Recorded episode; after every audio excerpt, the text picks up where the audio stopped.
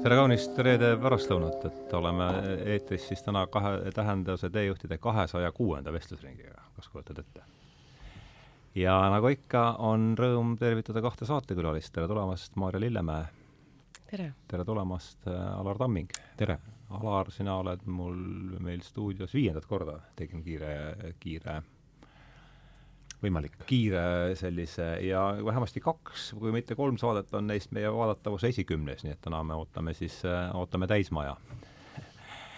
ja, ja võib-olla alustame niimoodi, et ja Maarja on esimest korda siis, et et kuigi Alar on siin ennast juba paar korda tutvustanud, et ma arvan, et ei ole paha, et teeme, teeme meeldetuletuseks veel sellise tutvustusringi, siis ma juhatan sisse saate teema kust me hakkame pihta, hakkame pihta Maarjast näiteks, debütandist. no äh, pikk versioon või lühike versioon äh,? mõõdukas. mõõdukas. kuna Kursievi õpetused ja neljas tee on täna äh, päevateema, siis siis ma piirdun selle, ütleme, viimase aastaga, et mina olen nende ideedega nüüd tuttav aasta jagu. Alari tõttu olen ma siin ja nendega tuttav.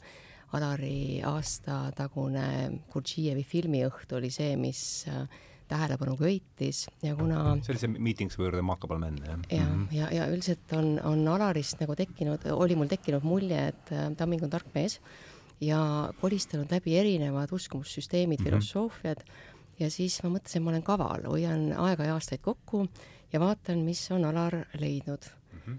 ja, ja siis äh, huvitav oli äratundmine, et see nelja, neljas tee, Gurdjiev ise peab, seda ka kavala mehe teeks, et mm. -hmm.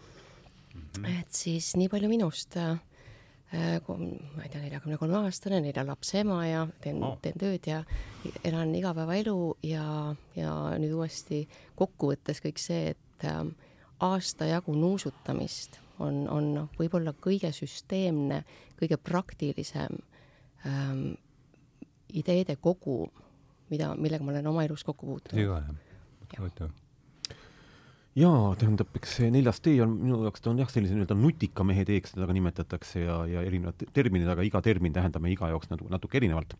aga enda kohta kõigepealt, et noh, jah, minu nimi on Alar Tamming, just nimelt, et minu nimi on Alar Tamming. Ja elus olen ma tegelenud väga erinevate asjadega et võibki isegi öelda, et noh, ütleme kümme aastat tegeled ühe teemaga, kümme aastat teisega, kümme kolmandaga ja need on siis asjad, millega me ennast nagu nii-öelda seostame. ja siis arvame, et mina olengi see asi, et kui ma olen siis nii-öelda ärimees, et siis ma olen nagu ärimees või olen siis õpetaja või, või raadiosaate tegija. et noh, päris, päris see nii ei ole, et mulle ikkagi meeldiks öelda, et ma olen, olen see, kes ma olen, ülejäänud on mu nimi. aga, ja selle, kes ma olen, on minu sees nii-öelda, ütleme, palju erinevaid minasid, kes tegelevad erinevate asjadega, mis on ka üks Gurdžijevi põhi niisuguseid põhikontseptsioone. ja kui nüüd tulla selle neljanda tee juurde, siis jah, tõepoolest ma arvan, et ma olen siis aastast äh, üle, üle kahekümne, üle kahekümne aasta uurinud psühholoogiat, teaduse seisundeid, kuidas jõuda kõrgemate seisunditeni.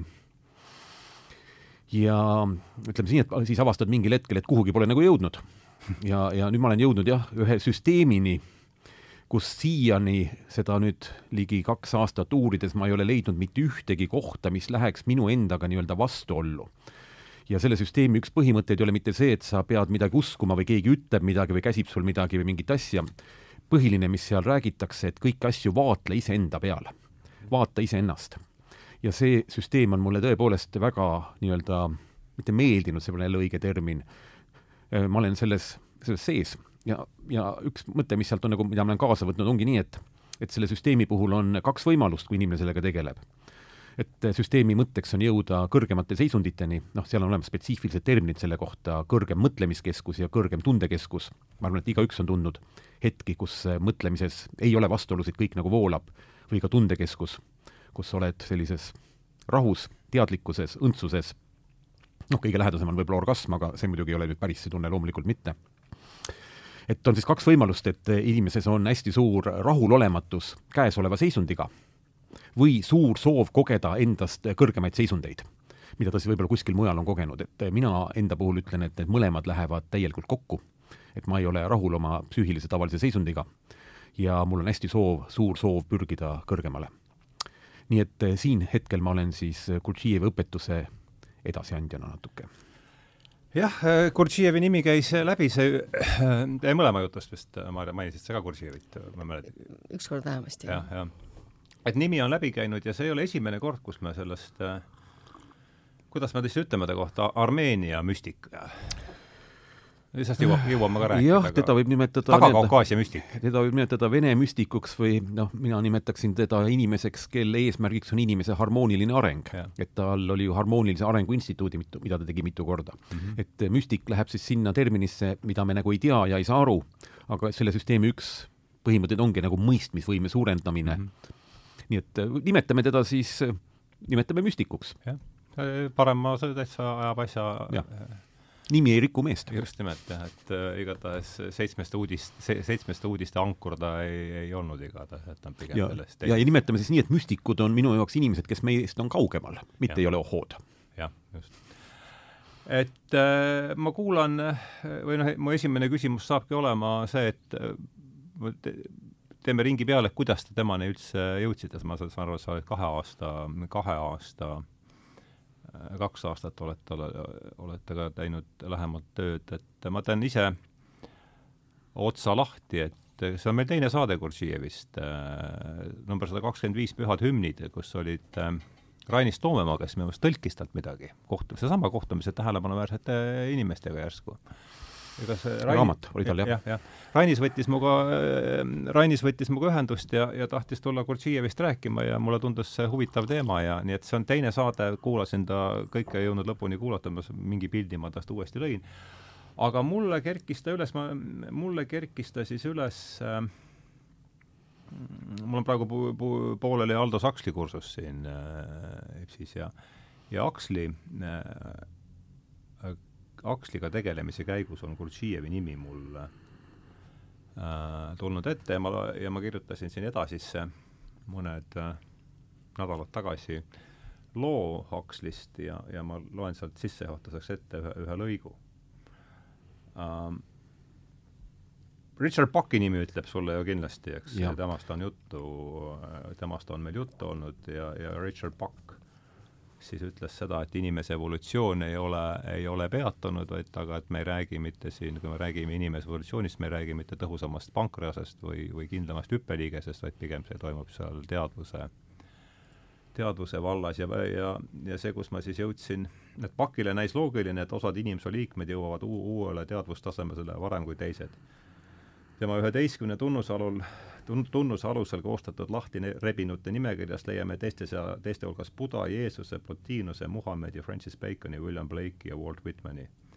Paki raamat avaldas sügavat muljet Ameerika psühholoogia esiisale James Will-, William Jamesile, kes kirjutas oma usuliste, usulise kogemuse mitmekesisuses, et ükski tõsiseltvõetav reaalsuse käsitlus ei saa möö-, ei saa avardunud teadvuse seisunditest mööda vaadata, nad, avardunud teadvuse seisundid tulevad meil ka täna jutuks, ma kujutan, eks, et ta lisas, et Indias on püüdlus kosmiliste teadvusseisundite poole olnud sajandite pikkuse ajalooga teadus. ja nüüd äh, on siis tsitaat raamatust, mille ma suvel enda jaoks avastasin ja mis oli tõesti suurepärane teos, äh, J. Stevens uh, Storming Heaven, LSD and the American Dream. ja ma siis tsiteerin ja selle, selle tsitaadiga ma siis lõpetan oma sisse, sissejuhatuse, kirjutab siis J. Stevens kuigi kahekümnenda sajandi laborites ja klassiruumides võidutses Darwini evolutsiooniteooria, kerkis Bergsoni ja Bucki hereesia üles uutes ja ootamatutes konfiguratsioonides. esimese maailmasõja järgses Euroopas esindasid, esindasid seda sellised idamaa gurud nagu Krishnamurti ja Georgi Gurdžijev, kes tutvustasid taoliste vaimuseisunditeni jõudmiseks vajalikke praktikaid. nii et võtan siit siis kaasa kõrgemad teadvusseisundid ja nendele jõudmiseks vajalikud praktikad. Äh, ja nüüd kuulaks siis huviga, et kuidas teie äh, tähendab, veel kord, minu tutvus Gurdžijeviga on teiste sõnadega puht verbaalne, teoreetiline, ehk ma ei ole temaga, mul puudub isiklik äh, vahetu kogemus temaga ja ja teil ma eeldan, on see olemas ja, ja, ja tahakski siis kuulda, kuidas te sellele jõudsite, siis räägime, vaatame, kes ta siis oli, et nii palju, kui mul jäi meelde sellest mm -hmm. esimesest saatest ka, et kes tahab alustada? no ma alustan, kuna siin tuli juttu Morris Pükist ja kuna ma olen temaga ka mingil etapil püüdnud Richard Morris oli ta vist, jah, midagi seal. ta oli jah, Mo-, Morris Pükk, et kõigepealt noh, ta oli Kanada psühhiaater, aga tema vana-vanaisa miks ma olen siin Richard kirjutanud, no ärme sellesse takerdu, jah. jaa, võib vaadata järgi. tema vana-vanaisa oli Inglismaa peaminister, muide Robert Walpole on üks niisugune informatsioon tema kohta. ja see, mida ta nägi või tähendab, ma sõnastan selle ära ka siin, mis, milline oli see kogemus, mille ta edasi andis. et tal oli selline üks, ootamatult üks selline kõrgem Räägib kogemus. pakist nüüd, jah? jah, pakist, jah mm. -hmm. kus ta tajus midagi, mis ületab Richard Morris, jah mm -hmm.? noh, mõlemad olid siis õige. nagu ikka on vastuolusid ei ole. ja temal oli selline kogemus, nagu ta ütles, et indiviid tunneb äkitselt igasuguse hoiatuseta, et oli kuskil roosavärvilises pilves ja siis teda kaasnes selline rõõmu, kindluse ja niisugune pääsemise tunne mm. -hmm. aga see ei olnud ainult tunne, sellega kaasnes ka nii-öelda tead, teadlikkus. ja siis ta nagu tajus kõigepealt, et esimene asi, et et kosmos ei ole mitte surnud mateeria mm, -hmm. vaid elav olend, living presence.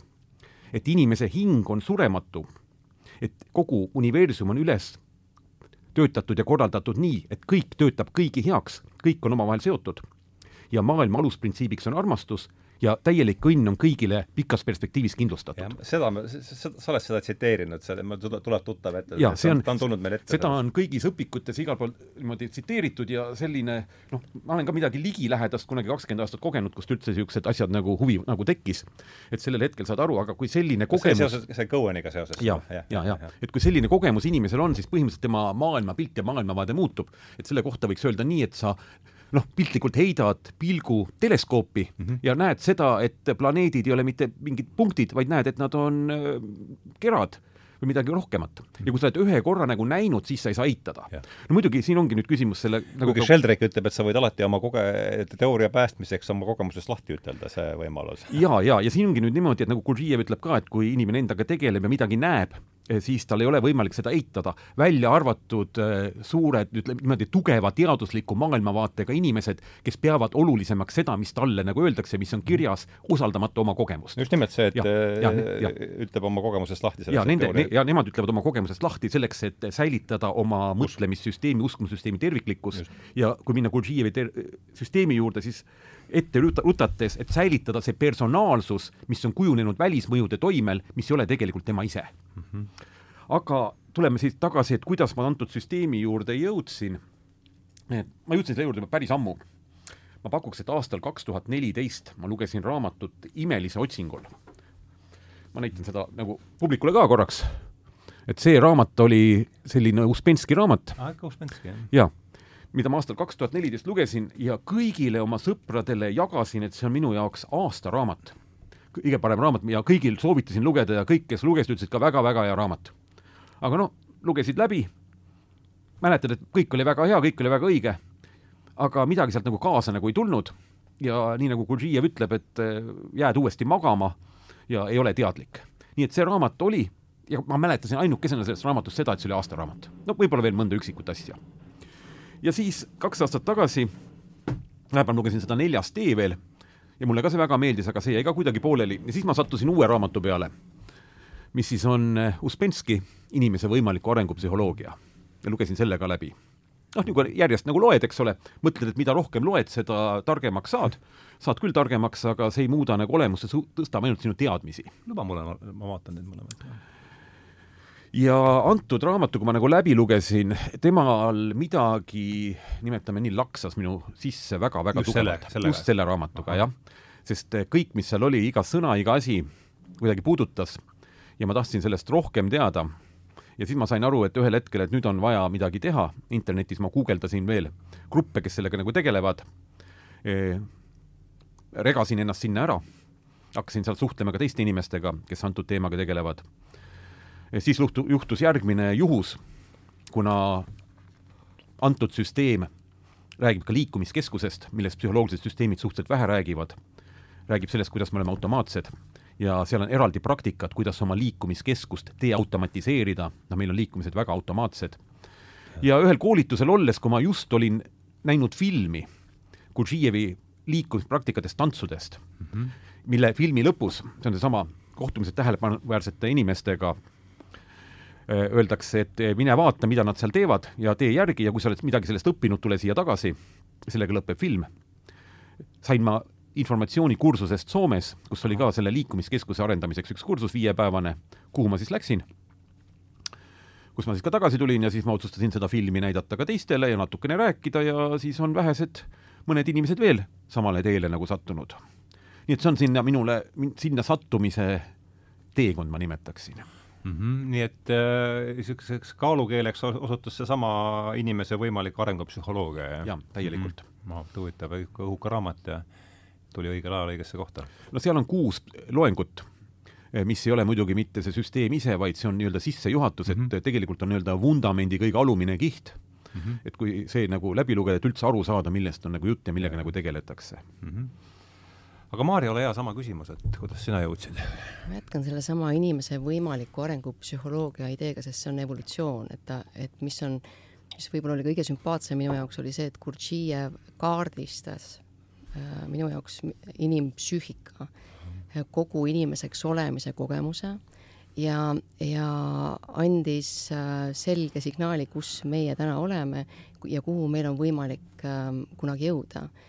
Ja, ja see oli niivõrd revolutsiooniline idee koos praktiliste nippidega enesevaatlusteks ja, ja ka liikumisteks, et, et ma otsustasin järgi proovida ja, ja mis on nagu teistmoodi mm,, on see, et äh, neljanda tee puhul äh, me peame kasutama nii oma mõtte, mõtet, tunnet kui keha.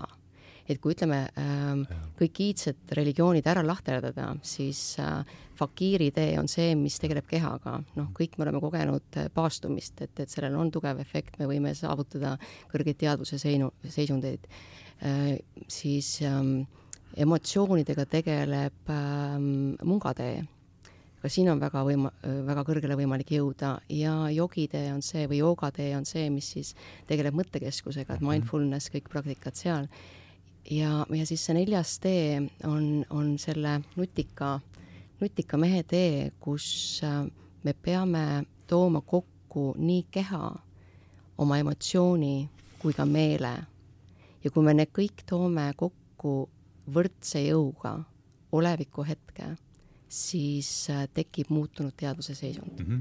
-hmm. ja, jah, ja kui, kui seal oled käinud, see, see tantsimis, tantsimisretriitkursus kevadel oli, oli, oli lisaks nendele ideedele lausa selline, et ma pole kunagi, kunagi nii kõrgel käinud ja mhm. kui sa oled juba korraks ära käinud, paraku ei jää sinna pidama mm. -hmm. vot, vot see ka nagu kipub olema, aga kui oled korra ära käinud ilma abivahenditeta mm, -hmm. ilma tantsuta, kellel mis siis abivahendiks võib olla et siis tahad sinna uuesti ja uuesti ja, ja nii me siin toimetame, et see ähm, idee on ise, mis, mis peab köitma, aga kui seda ideed rakendada ja siis saad aru, et päriselt nagu aitab ka mm, -hmm. siis sellepärast mina olen äh, praegu jäänud siia mm. -hmm ahah, et niisugune praktiline kokkupuude, äh, siis äh, aga lähmegi seda kaudu, et see on praktiline kokkupuude, sellest ma panin kirja, et oli see viiepäevane kursus äh, Soomes, et mismoodi see siis äh, mismoodi see asi siis seal oli üles ehitatud no. ja, ja mida kujutavad ja, ja, ja ma saan aru, et suhteliselt kiiresti saab sellesse muutunud teadvusseisundisse läbi nende harjutuste siis või?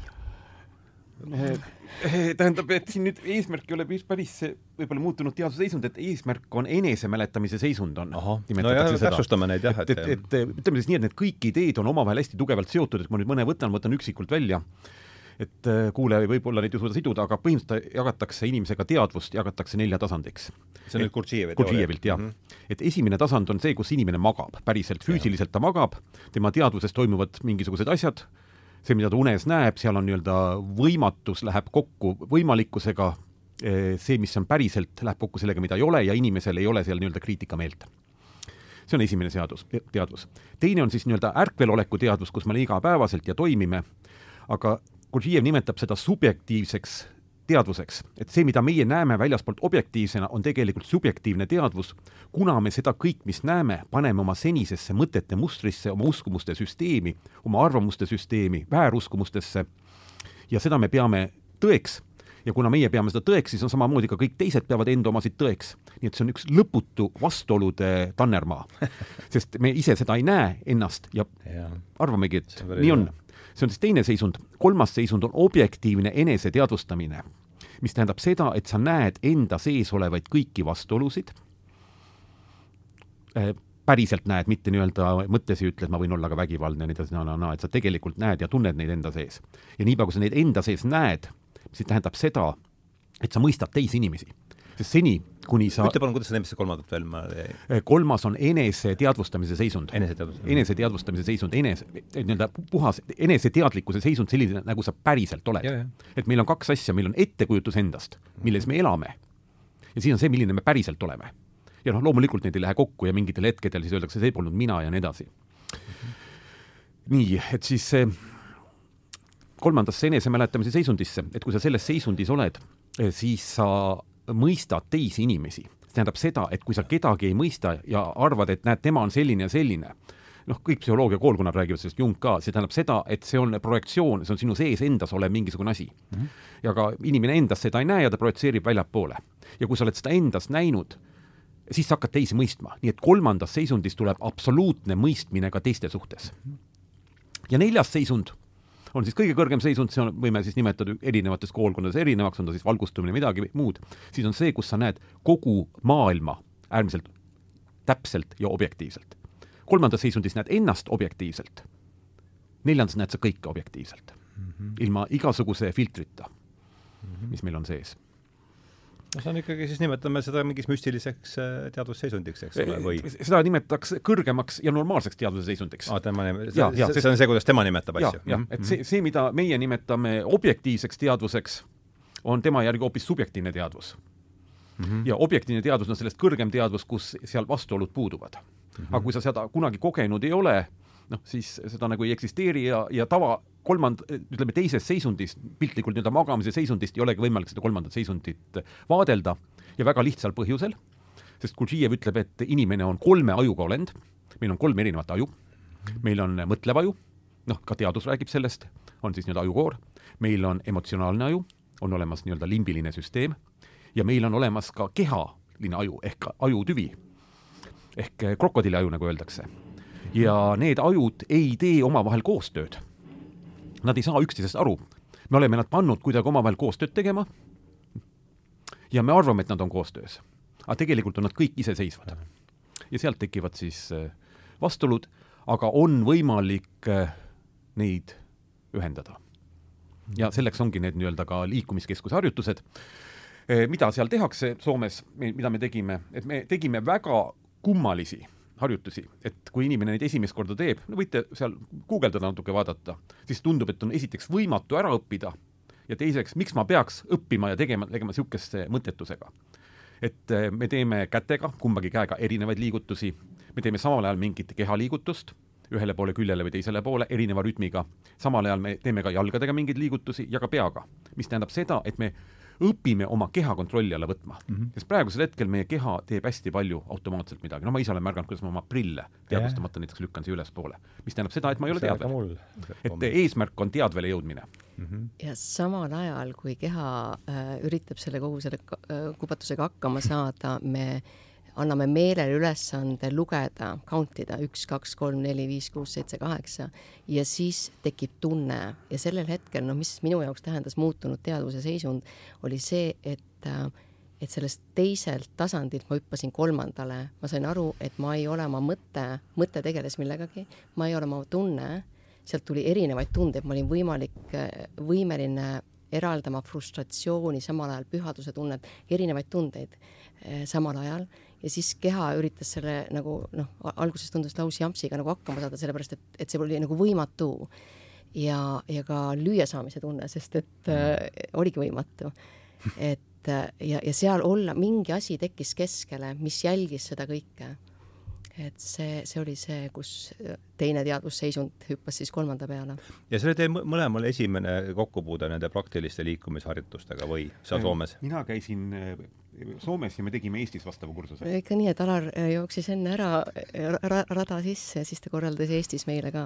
ahah, sedapidi jah. ja, ja ega Alari kirjeldus ei olnud küll midagi sellist, mis mind kohale oleks meelitanud mm, -hmm. aga samamoodi ma mõtlesin, et hea küll, ta ütles, et see ikkagi väärib proovimist ja, ja, ja tõesti väärib, seda peab kogema ise no nii palju, kui ma olen vaadanud siin Youtube'is ka neid liikumisharjutusi, see võtab ju ikkagi tunde, et üldse sealt hakkaks midagi tulema või, või kuidas teie praktika? No ega sealt ikka midagi ei tule küll veel. Et, et ma isegi ei ütleks seda, et ma nüüd oleks ühe silmaga mees pimedate riigis. et niisugune võib-olla ma kuidagi ühte silma nüüd olen piilunud natuke midagi, see, seal on tulemisest on asi väga kaugel. aga kuna me elame peas kogu aeg ja mhm, ratsionaalses Just. maailmas ja meil on seal hästi suur rahulolematus, mida me siis alkoholiga leevendame ja tubakaga ja kõikvõimalike muude asjadega, siis selleks on võib-olla ka nii-öelda teisi meetodeid. et kui võtta ja valida, millele me üldse oma aega elus nagu pühendame, siis eh, üks võimalus on välisele maailmale ehk eh, rohkem mateeriat, millega ma olen ka nagu teatavas etapis päris hästi hakkama saanud. aga teine võimalus on siis pöörata oma sisemaailmale ehk tegeleda oma sisestruktuuride täiustamisega. ja sisestruktuurid sisaldavad ka keha täiesti selgelt. nii et see on eh, valik ja otsus ja rääkimata sellest, et kui juba nagu hakkama saad ja teed ja nii-öelda muusika, noh, tants ju teeb inimese, teeb tegelikult rõõmsamaks mm. -hmm. nii et seal on eh, minu arust neid plusse, mida rohkem tegelema hakkad, seda rohkem mm. -hmm muidugi ma ütleks, et see tantsud on siis selline asi, millest võib-olla mitte nagu seda kogu teemat alustada. et kui üldse alustada, kui üldse alustada, siis võib-olla mõnest põhimõttest.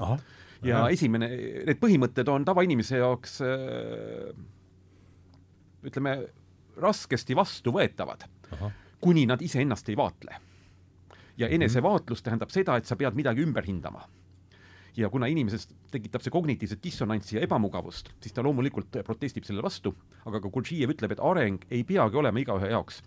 Et eh, inimene on eh, loodud looduse poolt arenema, ta jõuab teatava etapini, aga teatavast etapist edasi ei saa ta mitte mingi kosmilise müstilise puudutuse abil või siis võib kaasa aidata, vaid ainult läbi iseenda töö. nii et esimene põhimõte, mis ta nagu ütleb, on see, et inimene on eh, masin, automaat yeah. ja ta ise ei saa aru, et ta on masin ega automaat no et natuke seda lihtsamaks teha, et ma arvan, et kas on mõni kuulaja, kindlasti on mõni kuulaja, kes ei keri Facebooki ja Instagrami ja, ja kellel neid ei ole, aga mina olen ise küll märganud isegi, noh, praegu loomulikult ma olen hästi kaugel sellisest eh, teadlikkusest, et äh, võtad telefoni ja järsku isegi ei tea, mida sa hakkasid vaatama ja siis vaatad seal hoopis mingi sõnumi, hakkad vastama, aga tegelikult oli hoopis midagi, otsisid mingit telefoninumbrit. mis tähendab seda, et sinu teadvus ei ole sinu kontrolli all. ja Gurdjiev ütleb lihtsalt, et kõik meie liigutused, teod ka mõtted on masinlikud, on eh, masinlikud ja tulevad meile väliste mõjutuste toimel mm. -hmm. et me reageerime ja. välisele mõjutusele ehk piltlikult väljaspoolt maailmast hakkab kogu meie toimimine pihta, mitte meie sisemisest teadvusest. ma pistaks siia vahele, ähm, et, et ja, ja nendele välistele impulssidele reageerivad erinevad meie Eh, nii-öelda allisiksused, mida me ja. hellitavalt nimetame pisiminad. ja, jah, see mulle jäi meelde sealt, äh, jah -hmm.. ja see on üks teine põhimõte, et tähendab, esimene, et nii kaua, ütleme otse, ja Gurdjiev ütleb, et niipea kui inimene ise ei saa aru, et ta on masin ja kui ta arvab, et ta ei ole masin, et tal on vaba tahe, vaba tahtini on võimalik jõuda, aga ongi nii-öelda tööga, et niikaua, kuni ta arvab, et tal vabat tahet, vaba tahe on olemas, niikaua temas arengut ei toimu ja teine selline põhimõte on see, et inimene ei ole mitte terviklik, nagu me kõik arvame, vaid vastupidi, meis on erinevad pisiminad mm, -hmm. terviklikkuseni on ka jälle võimalik jõuda, mis siis, erinevad pisiminad, kes siis toimetavad. No minu lemmiknäide on see, et üks mina ütleb, et noh, homme hommikul peaks metsajooksu minema tegema ja järgmine hommik ärgates on teine mina, kes siis ütleb, et noh, võiks nagu tegelikult edasi magada. Ja kolmas mina võtab siin hoopis raamatu kätte ja loeb seda, sellist terviklikkust ei ole. Ja ütleme, tal on hästi palju põhimõtteid, et, et me ei näe neid erinevaid minasid. Ja lisaks on meil olemas õigustused et neid nüüd avastada, noh, vihma sajab hommikul, eks ole, ja, ja natukene lihas valutab ja me leiame igasuguseid õigustusi, et sellele viimasele välismaailmast saadud impulsile, mis on pannud meid mingit moodi toimima eh,, mõtlema ja tundma, mis kõik on automaatsed, et säilitada oma terviklikkus ja see nii-öelda eh, selle järgi toimida mm. -hmm. nii et eh, esimene põhimõte, et me oleme nagu masin, teine, et me koosneme paljudest minadest ja seal on selline koht, öeldakse ka, et seni, kuni inimene endas neid ei näe, loomulikult tuleb seda aktsepteerida ja algetapil, kui enesega tegeled, unustada ära igasugune proovimine ennast muuta, pigem nagu märgata ja otsida endast mehaanilisust, noh, jätta mehaanilisus muidugi tegemata, aga eh, muutus ei ole väga kaua aega võimalik.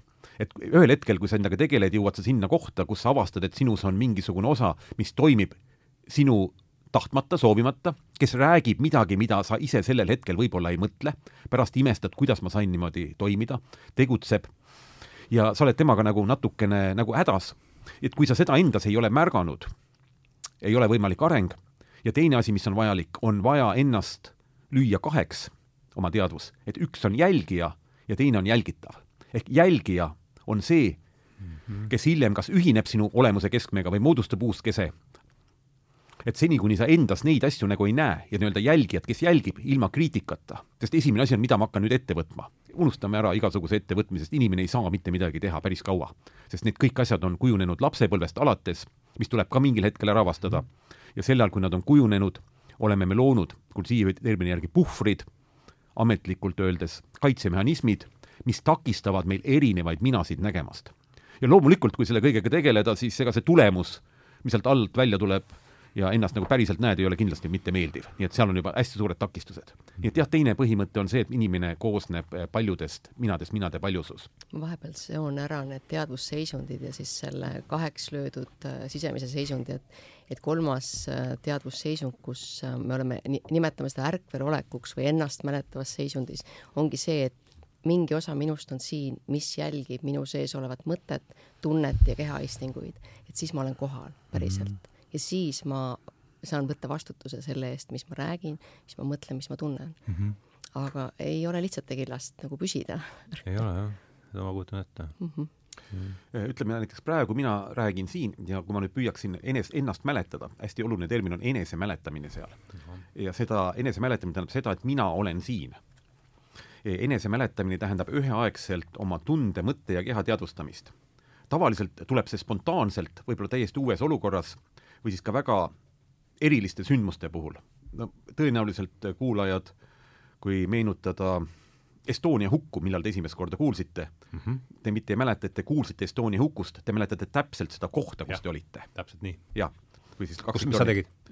Esto-, Estonia huku puhul ma sõitsin oma nii-öelda elukaaslase pojaga kooli ja siis kuulasin raadiost ja räägiti, et buss on põhjas ja veel on põhjas ja algul ei saanud nagu aru ja siis mul järsku laksas ära, et see on ja. Estonia või siis teine on kaksiktornid, eks ole, kus olid autos kuulsid, jah ja. ja seda seisundit tuleb endas kultiveerida, sest muidu on meil, töötavad meil nii-öelda need pisiminad, mis töötavad automaatselt, mida me ei tea, mis on e, elu jaoks mõnikord hetkel väga kasulikud, et kui lähed poodi, eks ole, seal ongi vaja automaatselt toimida mm. -hmm. aga enesemäletamine seisund on natukene teine seisund, nii et meil on seda, seda vaja endas jah, kultiveerida mm. -hmm teisisõnu ka see, et, et noh, et pisiminad on nagu mingid rollid, mingid allisiksused, mis täidavad rolle, et kõik ei ole ka nagu halvad, et aga kui min, mina olen kohal jälgides, kui kuidas ma mingit rolli välja, välja siis vean, praegu siin oleme telesaates või raadiosaates, et et, ähm, et siis ma olen ikkagi kohal ja seal on teine kvaliteet mm. -hmm. et see mina ei võta üle nagu. ja, ja siin inimene arvab, et tema on tavaliselt väga teadlik nende rollidest kõigest ja näed, ma olen koolis, olen õpetaja ja kodus olen lapsevanem ja aga noh, see on nüüd hästi pealispindne, et ma soovitaks nagu kindlasti rohkem seda endas nagu vaatlema hakata. või tegelikult mitte vaatlema hakata, vaid natukene tutvuma selle süsteemiga, kui siin midagi nagu kõnetab. et mulle, miks ma siin saates olen, et seda nimetatakse ketiks. et ka Gurdjiev enne oma surma oma naisele Saltsmanile ütles, et tee kõik, mis võimalik, et neid, neid, neid ideid maailmas levitada. et nad tegelesid sellega nelikümmend aastat, Gurdjiev ei rääkinud üheski intervjuus ega ajalehes ega kuskil midagi, need olid kinnised grupid, mis sellega tegelesid. ja peale seda tema surma ühes kohas maailmas ja teises kohas tema õpilased hakkasid avaldama, eh, mida nad olid õppinud. Eh, need on siis praeguseks hetkeks on see nii-öelda laienenud ja eesmärk oli, nagu ta ütles jah, et tee kõik, et seda maailmale tutvustada ja kui võtta siis niimoodi, et mõte on selles, et kes teab neid ideid, tutvustab neid nendele, kes võivad olla enesearengust huvitatud ja kes on enesearengust huvitatud, võib-olla tutvustavad neile, kes tulevikus võiksid olla. et see on selline jah, kett, mida tuleks nagu edasi anda ja mis, mida me siin maailmas üldse teeme, eks ole, et me siin oleme osa mingisugusest suuremast süsteemist ja grupist ja me saame tegutseda selle nimel, et see grupp oleks harmoonilisem ja parem. ja nüüd praktikuna siia paar sõna vahele, et, et mis tolku siis nende ideedega, et äh, ülemõtlemine siis võiks anda et olles siis ärkvel või ennast mäletavas seisundis ja jälgides enda sees neid pisiminasi, et üsna šokeeriv on avastada, et seal sees on tegelikult loomaaed. jah -hmm., just nimelt või siis nagu Gurdjiev tõi ähm, paralleeli linnaga, et mõni, et terve linn koos getoga, seal on sellised tegelased, kes on parajad varganäod, röövlid, prostituudid äh, ja, ja nii edasi, kes varastavad meie energiat seal on siis äh, linnavalitsus ka kohal ja, ja üritab midagi seal ajada. Ja siis on kaup kaupmehed ja käsitöölised, et, et noh, minule meeldib selline, ütleme, piltlikustada ja, ja siis ma hakkasin lahterdama neid enda sees olevaid pisiminasid.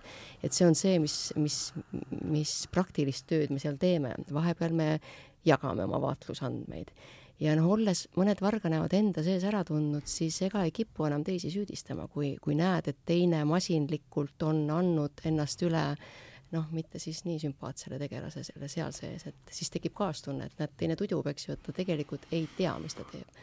jah jah, täpselt, jah. vaidle vastu. ei, ei, vastupidi, siin ei ole midagi vastu vaielda. et äh,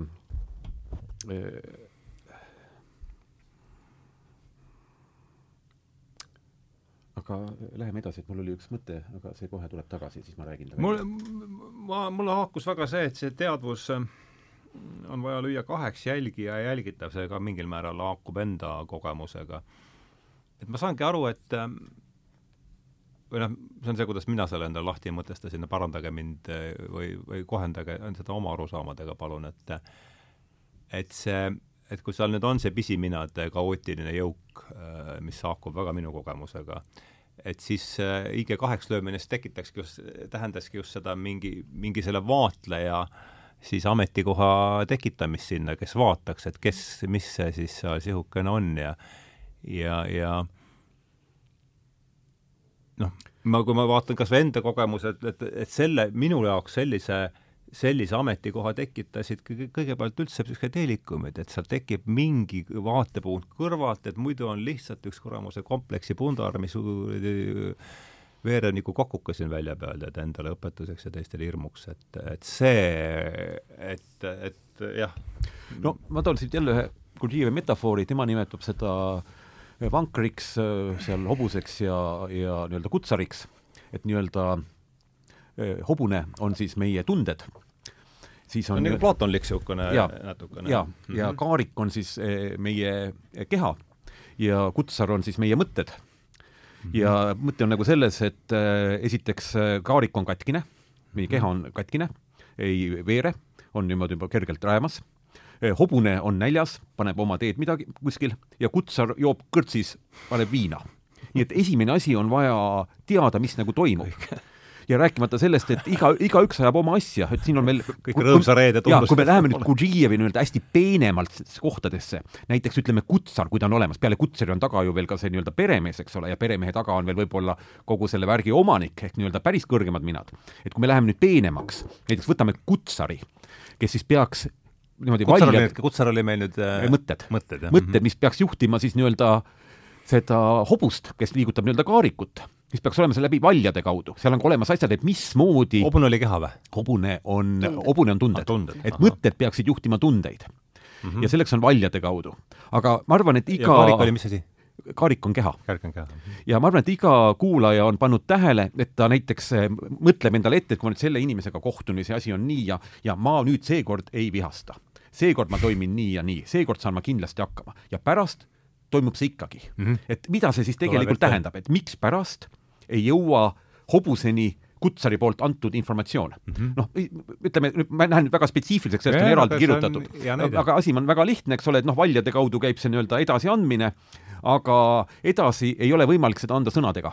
kuna meie emotsionaalne keskus kui inimene hakkab ennast vaatlema ja märkab, mis tuleb emotsionaalsest keskusest, mis on omaette keskus, noh, tal on oma, omaette süsteem, siis meie emotsionaalne keskus saab aru sõnadest eh, sama vähe kui inglise keelest. tal ei ole mitte mingisugust, absoluutselt mitte mingisugust võimalust sõnadest aru saada, sest tegemist on limbilise süsteemiga, me võime olla mingis ühenduses, meil võib olla tunne, et me saame aru. aga hmm. on võimalik emotsionaalse keskusega kõneleda emotsionaalne keskus saab aru piltide keelest mm. -hmm. nii et olemas ka, minnakse väga spetsiifiliseks, kuidas midagi nagu muuta ja arendada. et ka see on antud süsteemis nagu, nagu välja toodud mm. -hmm sa mainisid kõrgemaid teaduse seisundid, et, et noh, kui ei ole ideede süsteemi, siis on raske mõista seda, siis on, siis on justkui ainukene lahendus noh, uuesti kogeda seda samal viisil, eks ju. aga kui nüüd noh, on olemas veel ähm, ideede ähm, nagu ideed, mis aitavad mõista miks sa koged muutunud teadvuse seisundit, ükskõik mis abil, psühhedeelikumid, tants, laul, ükskõik kuidas võimalusi on mitmeid. absoluutselt. siis sa saad aru, et, et, et sa saad sisemise tööga jõuda sinna ka, et sul ei ole vaja teinekord neid karke, kuid väga tihti annab šoki just see teise teadvuse seisundiga tunnetus mm, -hmm. et ahaa, kas, kas, kas inimestena on selline tunne, selline mõistmine ka võimalik mm. -hmm. et väga tihti jah, inimesed saavad esimese šoki äh, muutunud teadvuse seisundis, kus on jõutud sinna väikse, väike, väikeste abivahenditega, jah ja. ja siin on veel selline huvitav koht, et inimeses on hästi suur õigustus ja kaitse. ja, ja ta ütlebki, et aga noh, et aga ma olengi selline noh, Gurdjiev ütleb selle kohta, mis on väga oluline koht, et inimene ei ole selline, me oleme selliseks kujunenud mm -hmm. lapsepõlve toimel. et mhm. see on nii-öelda hästi selge otsus inimese poolt, et mul ei ole vaja areneda ja ma olen rahul sellega, mis on ja see ongi tema asi ja minu ülesanne ei ole ka kellelegi ütelda, et ta peaks nagu endaga tegelema. nii et eh, see, mis Gurdjiev nagu välja toob, ta toob välja veel kaks terminit. et üks on olemus ja teine on isiksus et need nüüd räägime natukene, natuke lahti, sest on hästi oluline. et olemus on see, millega inimene sünnib. ja kui me vaatame väikeseid lapsi, kolme-nelja-viieaastaseid, milline rõõm nendes on, milline puhtus, milline vabadus, spontaansus, miks me tahame nendega koos olla või isegi mängida, sest me tahame ka ise seda tagasi saada. nii et olemus areneb. ja see areng on kõik, ma ütleks, on loomulik ja loogiline, kaasa arvatud personaalsuse arenemine aga, ja siis nii-öelda ka tagasijõudmine sellesse nii-öelda olemusse. nii et olemus areneb kuskil neljanda-kuuenda eluaastani, mõnikord öeldakse ka maksimaalselt kümme kuni kaksteist, on see, kus inimene on see, kes ta nagu on mm. -hmm. siis hakkab sinna peale tulema kultuurist, vanematelt, kõik see, mida ta ümberringi näeb, mingisugune kiht, kuidas peaks käituma, kuidas peab olema, kas ma olen õige, kas ma toimin hästi, ja see kiht hakkab moodustama sellist, ma nimetaksin kaitset või katet sinu olemusele. Mis tähendab seda, et kui midagi maailmas toimub, siis see info ei kuku sinu olemusse, nagu lapse puhul, kust on puhas, selge, autentne reaktsioon vaid see kukub sinu seniste mõtete süsteemi.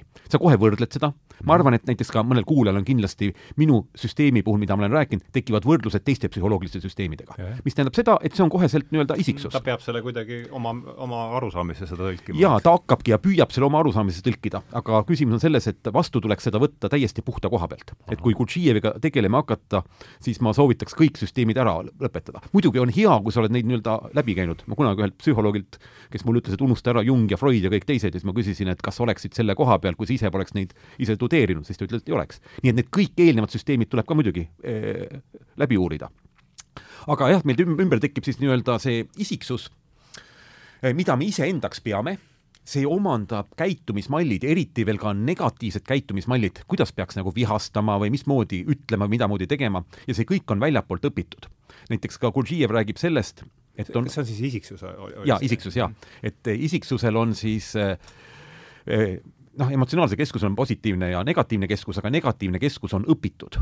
me oleme näinud oma vanemaid sõpru, teisi mingit moodi vägivaldselt käitumas, mingit moodi ütlemas ja siis seda me kordame kogu aeg ja peame iseendaks. et hea, hea omadus on, et sellest on võimalik lahti saada, näiteks üks Gurdžijevi nii-öelda praktiline mõte on see, et inimene peab olema võimeline õppima negatiivseid emotsioone mitte väljendama mis tekitab alati kõigis suure segaduse, et mida ma sellega peale hakkan ja ma peaks ikka väljendama ja nii edasi. no küsimus on selles, et negatiivse emotsiooni väljendamine võib inimese jaoks tähendada ausust, aga tegelikult on see võimetus ennast juhtida. toon ühe näite. ütleme, et kui sa oled sõjaväes ja polkovnik käsib sul tassida kive ühest kohast teise ja õhtul käsib tassida tagasi. sa tunned viha. aga sa jätad selle väljendamata. sa jätad selle väljendamata välisel mõjul ehk hirmust kui sul on võimalik jätta see väljendamata hirmust, on sul see võimalik jätta väljendamata ka vabast tahtest. ehk süsteemis on selline lause, mul on õigus olla mitte negatiivne. tähendab, me võtame endale õiguse väljendada negatiivseid emotsioone. see ei tähenda, et ma ise neid ei väljendaks, ma ise pusin sellega ka, aga ma olen jõudnud selleni arusaamisele ja näinud seda enda puhul, et kui sa jätad negatiivse emotsiooni väljendamata, eh, tähendab, negatiivne emotsioon kuulutab hästi kõrgeid, meil on organismis erinevatel tasanditel energiat, eh, mis mõnikord aitavad meil paremini mõelda ja nii edasi. negatiivne emotsioon kuulutab ära väga kõrged energiad. ja sellisel juhul on võimalik ta muuta nagu jõuks ja ma olen seda tundnud enda puhul. nii et see on näiteks üks selline põhimõte. et äh, me peame põhimõtteliselt on, et me peame peatama energialekked. noh, kui sellest juba juttu Mhm. tuli, mis meil veel energialekked on? energialekked on päevane daydreaming, kus meie mõtted hakkavad iseenesest jooksma, millele peaks ütlema stopp, enamasti negatiivses suunas, enamasti ka suhete teemal, sellele, mis ei ole ja kuidas peaks olema, ja siis me nagu märkame, et oleme jälle mingis kohas, nii et ütleme, daydreamingu peatamine, mõtlemise ülesanne peaks olema selgelt eh, enda jaoks defineeritud, võrdlemine, vaatlemine, et ta ei oleks mehaaniline järgmine, mis on, mille vastu ma isegi praegu eksin, aga ma raadiosaates on mul lubatud, on liigne rääkimine. kas te olete vahel, inimesed küll mõtlevad, et kuidas veel paremini rääkida, mitte sellele, et kuidas paremini kuulata ja midagi mõista. Liigne rääkimine on mehaaniline ja on absoluutne energialeke. ja siis on üks niisugune mis energia oli esimene? Daydreaming oli ja teine esi, esimene oli negatiivsete emotsioonide mitteväljendamine ja, siis on selline termin, ta nimetab valetamine. et valetamine otseselt hävitab olemust, aga ainuke, mis saab areneda, on olemus, personaalsus on ainult mingisugune kiht, mis saab sotsiaalselt väga hästi hakkama, mida sa pead iseendaks. ja valetamine ei ole see, et ma nüüd otsustan ja valetan midagi, vaid valetamine on ka see, kui sa räägid kindlalt sellest, mida sa tegelikult ei tea. et sa jätad mulje, nagu sa teaksid sellest. et äh, ja mingil hetkel tuleb ka selline nii-öelda sisemine maitse või sisemine tunne, et kui sa räägid midagi ja saad aru, et see ei ole tõde, siis tekib mingisugune sisemine ebamugavus ja halb, jah, seda on ka halb tunda., halb, halb tunne, sul ei ole, sul ei ole võimalik nagu selle koha pealt nagu, ma olen ise, mäletan, tegin sporti ja siis seal midagi väitsin kuidagi kindlalt ja teine ütles ja siis väidad veel kindlamini, et noh, ma nagu teaks seda. ja samas saad aru, et midagi nagu ei klapi. noh, see on ka nii-öelda automaatsus. ja selle koha peal on siis see nii-öelda personaalsus, isiksus, ehk sa tahad olla kellegi jaoks keegi. sa tahad olla välismaailma jaoks midagi. sa tahad olla, olla nagu väärt, aga sa ei ole mitte iseenda jaoks. Maarjal oli Ma vist mingi märkus sinna jah, see sisemise maitse äh, juurde natuke la laiendaks Mhm. seda, et äh, Gurdžijevi äh, nagu ideede kohaselt on see meie südametunnistuse eellane, et väidetavalt meil Äh, ei siis olegi sisemine maitse, Sisemine maitse, justkui ja see maitse on see, see just see ebamugavustunne mm. Mhm. -hmm. ja, ja kui nüüd olla kohal, olla ärkvel, siis me muutume tundlikumaks ja teinekord me hakkame midagi ütlema või tegema ja meil hakkab juba halb ja me jätame selle tegemata. ja, ja noh, ja siin on ka see, et, et meil ei ole noh, selles süsteemis ei ole kurus ja ei ole selliseid kõrgeid õpetajaid, et me kõik oleme otsijad ja kord on üks õpetaja, kord teine, et me vahetame oma kogemusi, üks on ühes teemas äh, kõrgemal, teine ja vastupidi. ja, ja siis me vahetame seda ja ja, ja tekib ka see, et, et kui me räägime sama keelt omavahel, et meil on terminoloogia nagu selgeks räägitud, siis saame ka natukene toetada, eks ju, et, et kuule, mul on selline lugu, kuidas teil on. Aga ma öö, võib-olla tekkis äh, tahtmine praegu siin äh, natukene selle negatiivsete emotsioonide mitteväljendamisest äh, nagu rohkem rääkida mm, -hmm. sest see oli see idee, mis tundus mulle täiesti vastuvõetamatu, et kõik äh, varem, millega ma olin kokku puutunud, sa pead ikkagi olema ehe, eks ju, et et kui sa oled kurb, noh, või, või, või oled vihane, kuidas ma siis seda nüüd äh, tegelikult ei väljenda, et see tundus vale. kas ma saan õigesti aru, et ta ütleb, et, et negatiivseid emotsioone ei tuleks väljendada? ei tuleks väljendada. mitte, et sa, mitte, et sa ei tohiks neid tunda jah, aga, no siis ma saan sa ikka õigesti aru, sa jätad jah, väl, jah, välismaailma selle nii-öelda ringlema laskma sest see on energialeke, nagu ma see on energialeke, negatiivse emotsiooni vastuvõtmine tekitab inimesest soovi seda jälle kellelegi edasi anda. Läheb pall olete käima näinud seda. Pitstrupi, seda, kus lööb koera, ülemus annab nii-öelda alluvale midagi, alluv lööb koera ja pärast saab nii-öelda, ülemus saab hammustada seda pilliseeriat ilmselt. see kuskilt tuleb lapsepõlvest tuttav. ja ega sellest ei ole lihtne aru saada, aga, aga kui oled enda sees korraks ära tundnud selle, et oletame, keegi ütleb midagi nagu päriselt halvasti justkui ja siis no, enne kui kähvad vastu, siis mõtled, et okei okay,, aga tal oli nagu halb päev võib-olla ja siis tekib niimoodi, et selle ähm,, et tekib nagu neutraliseeriv moment. ma mõistan, miks ta käitub, ma näen enda sees reaktsioone mm -hmm. ja kui ma olen, näen kahte poolust, siis ma olen kuskil seal kohapeal ja siis on mul keskel ja siis alles tekib võimalus otsustada, et okei okay,, kuidas ma nüüd praegu tahan ja valin äh, käituda, et see, see oli pikk protsess aru saada, et minu kasuks, minu sisemise arengu kasuks ei ole negatiivseid emotsioone väljendada ja tõesti, see on energialekke. selgelt on jah, see ka, noh, sa ka tunned ju, kuidas see mingi kortisool või mis kuradi asjad need seal on, seal tähendab, ütleme nii, et tavalises olukorras on niisugune tavaline situatsioon, mingid minad on käivitunud ja Gurdjiev nimetab seda, et nii-öelda elu ehk see, mis ümberringi toimub, määrab ära siis selle, mismoodi sa nagu toimid. inimene nagu nähvab sulle midagi, sa nähvad vastu, nähvab edasi, eks ole, ollakse mingisuguses spiraalis. aga kui sul nüüd sellel hetkel, kui teine midagi ütleb, siis sinu taustamõte on pärit kuskilt mujalt, ehk nimetatakse kõrgemast teadvusest, millega meil sellel hetkel pole ühendust mm. -hmm. aga kui sa mäletad sellel hetkel seda mõtet, et mul on õigus olla negatiivne, ehk sa oled võtnud süsteemist mõne mõtte, väga palju ongi siin küsimus selles, et süsteemi ideed arend-, asendada oma vää-, väärideed asendada süsteemi ideedega. ja kui sa sellel hetkel näiteks asendad idee, et noh, tema ütles mulle ja mul on õigus vastu öelda, mis on pärit otseselt sellest nii-öelda isiksusest, ehk nii-öelda valeisiksusest, kes tahab olla tähtis ja nii-öelda oluline, sest noh, see on tema jaoks oluline, kui ta jätab selle ära ja võtab aluseks süsteemi idee, et mul on õigus olla mitte negatiivne ja et ma mõistan teist inimest, et siin on midagi see süsteem on siis Gurdžijevi süsteem, süsteem, jah, et siin on midagi, mille pärast ta niimoodi praegu nagu reageerib. tähendab, kui inimene on negatiivne, siis põhimõtteliselt on kaks võimalust.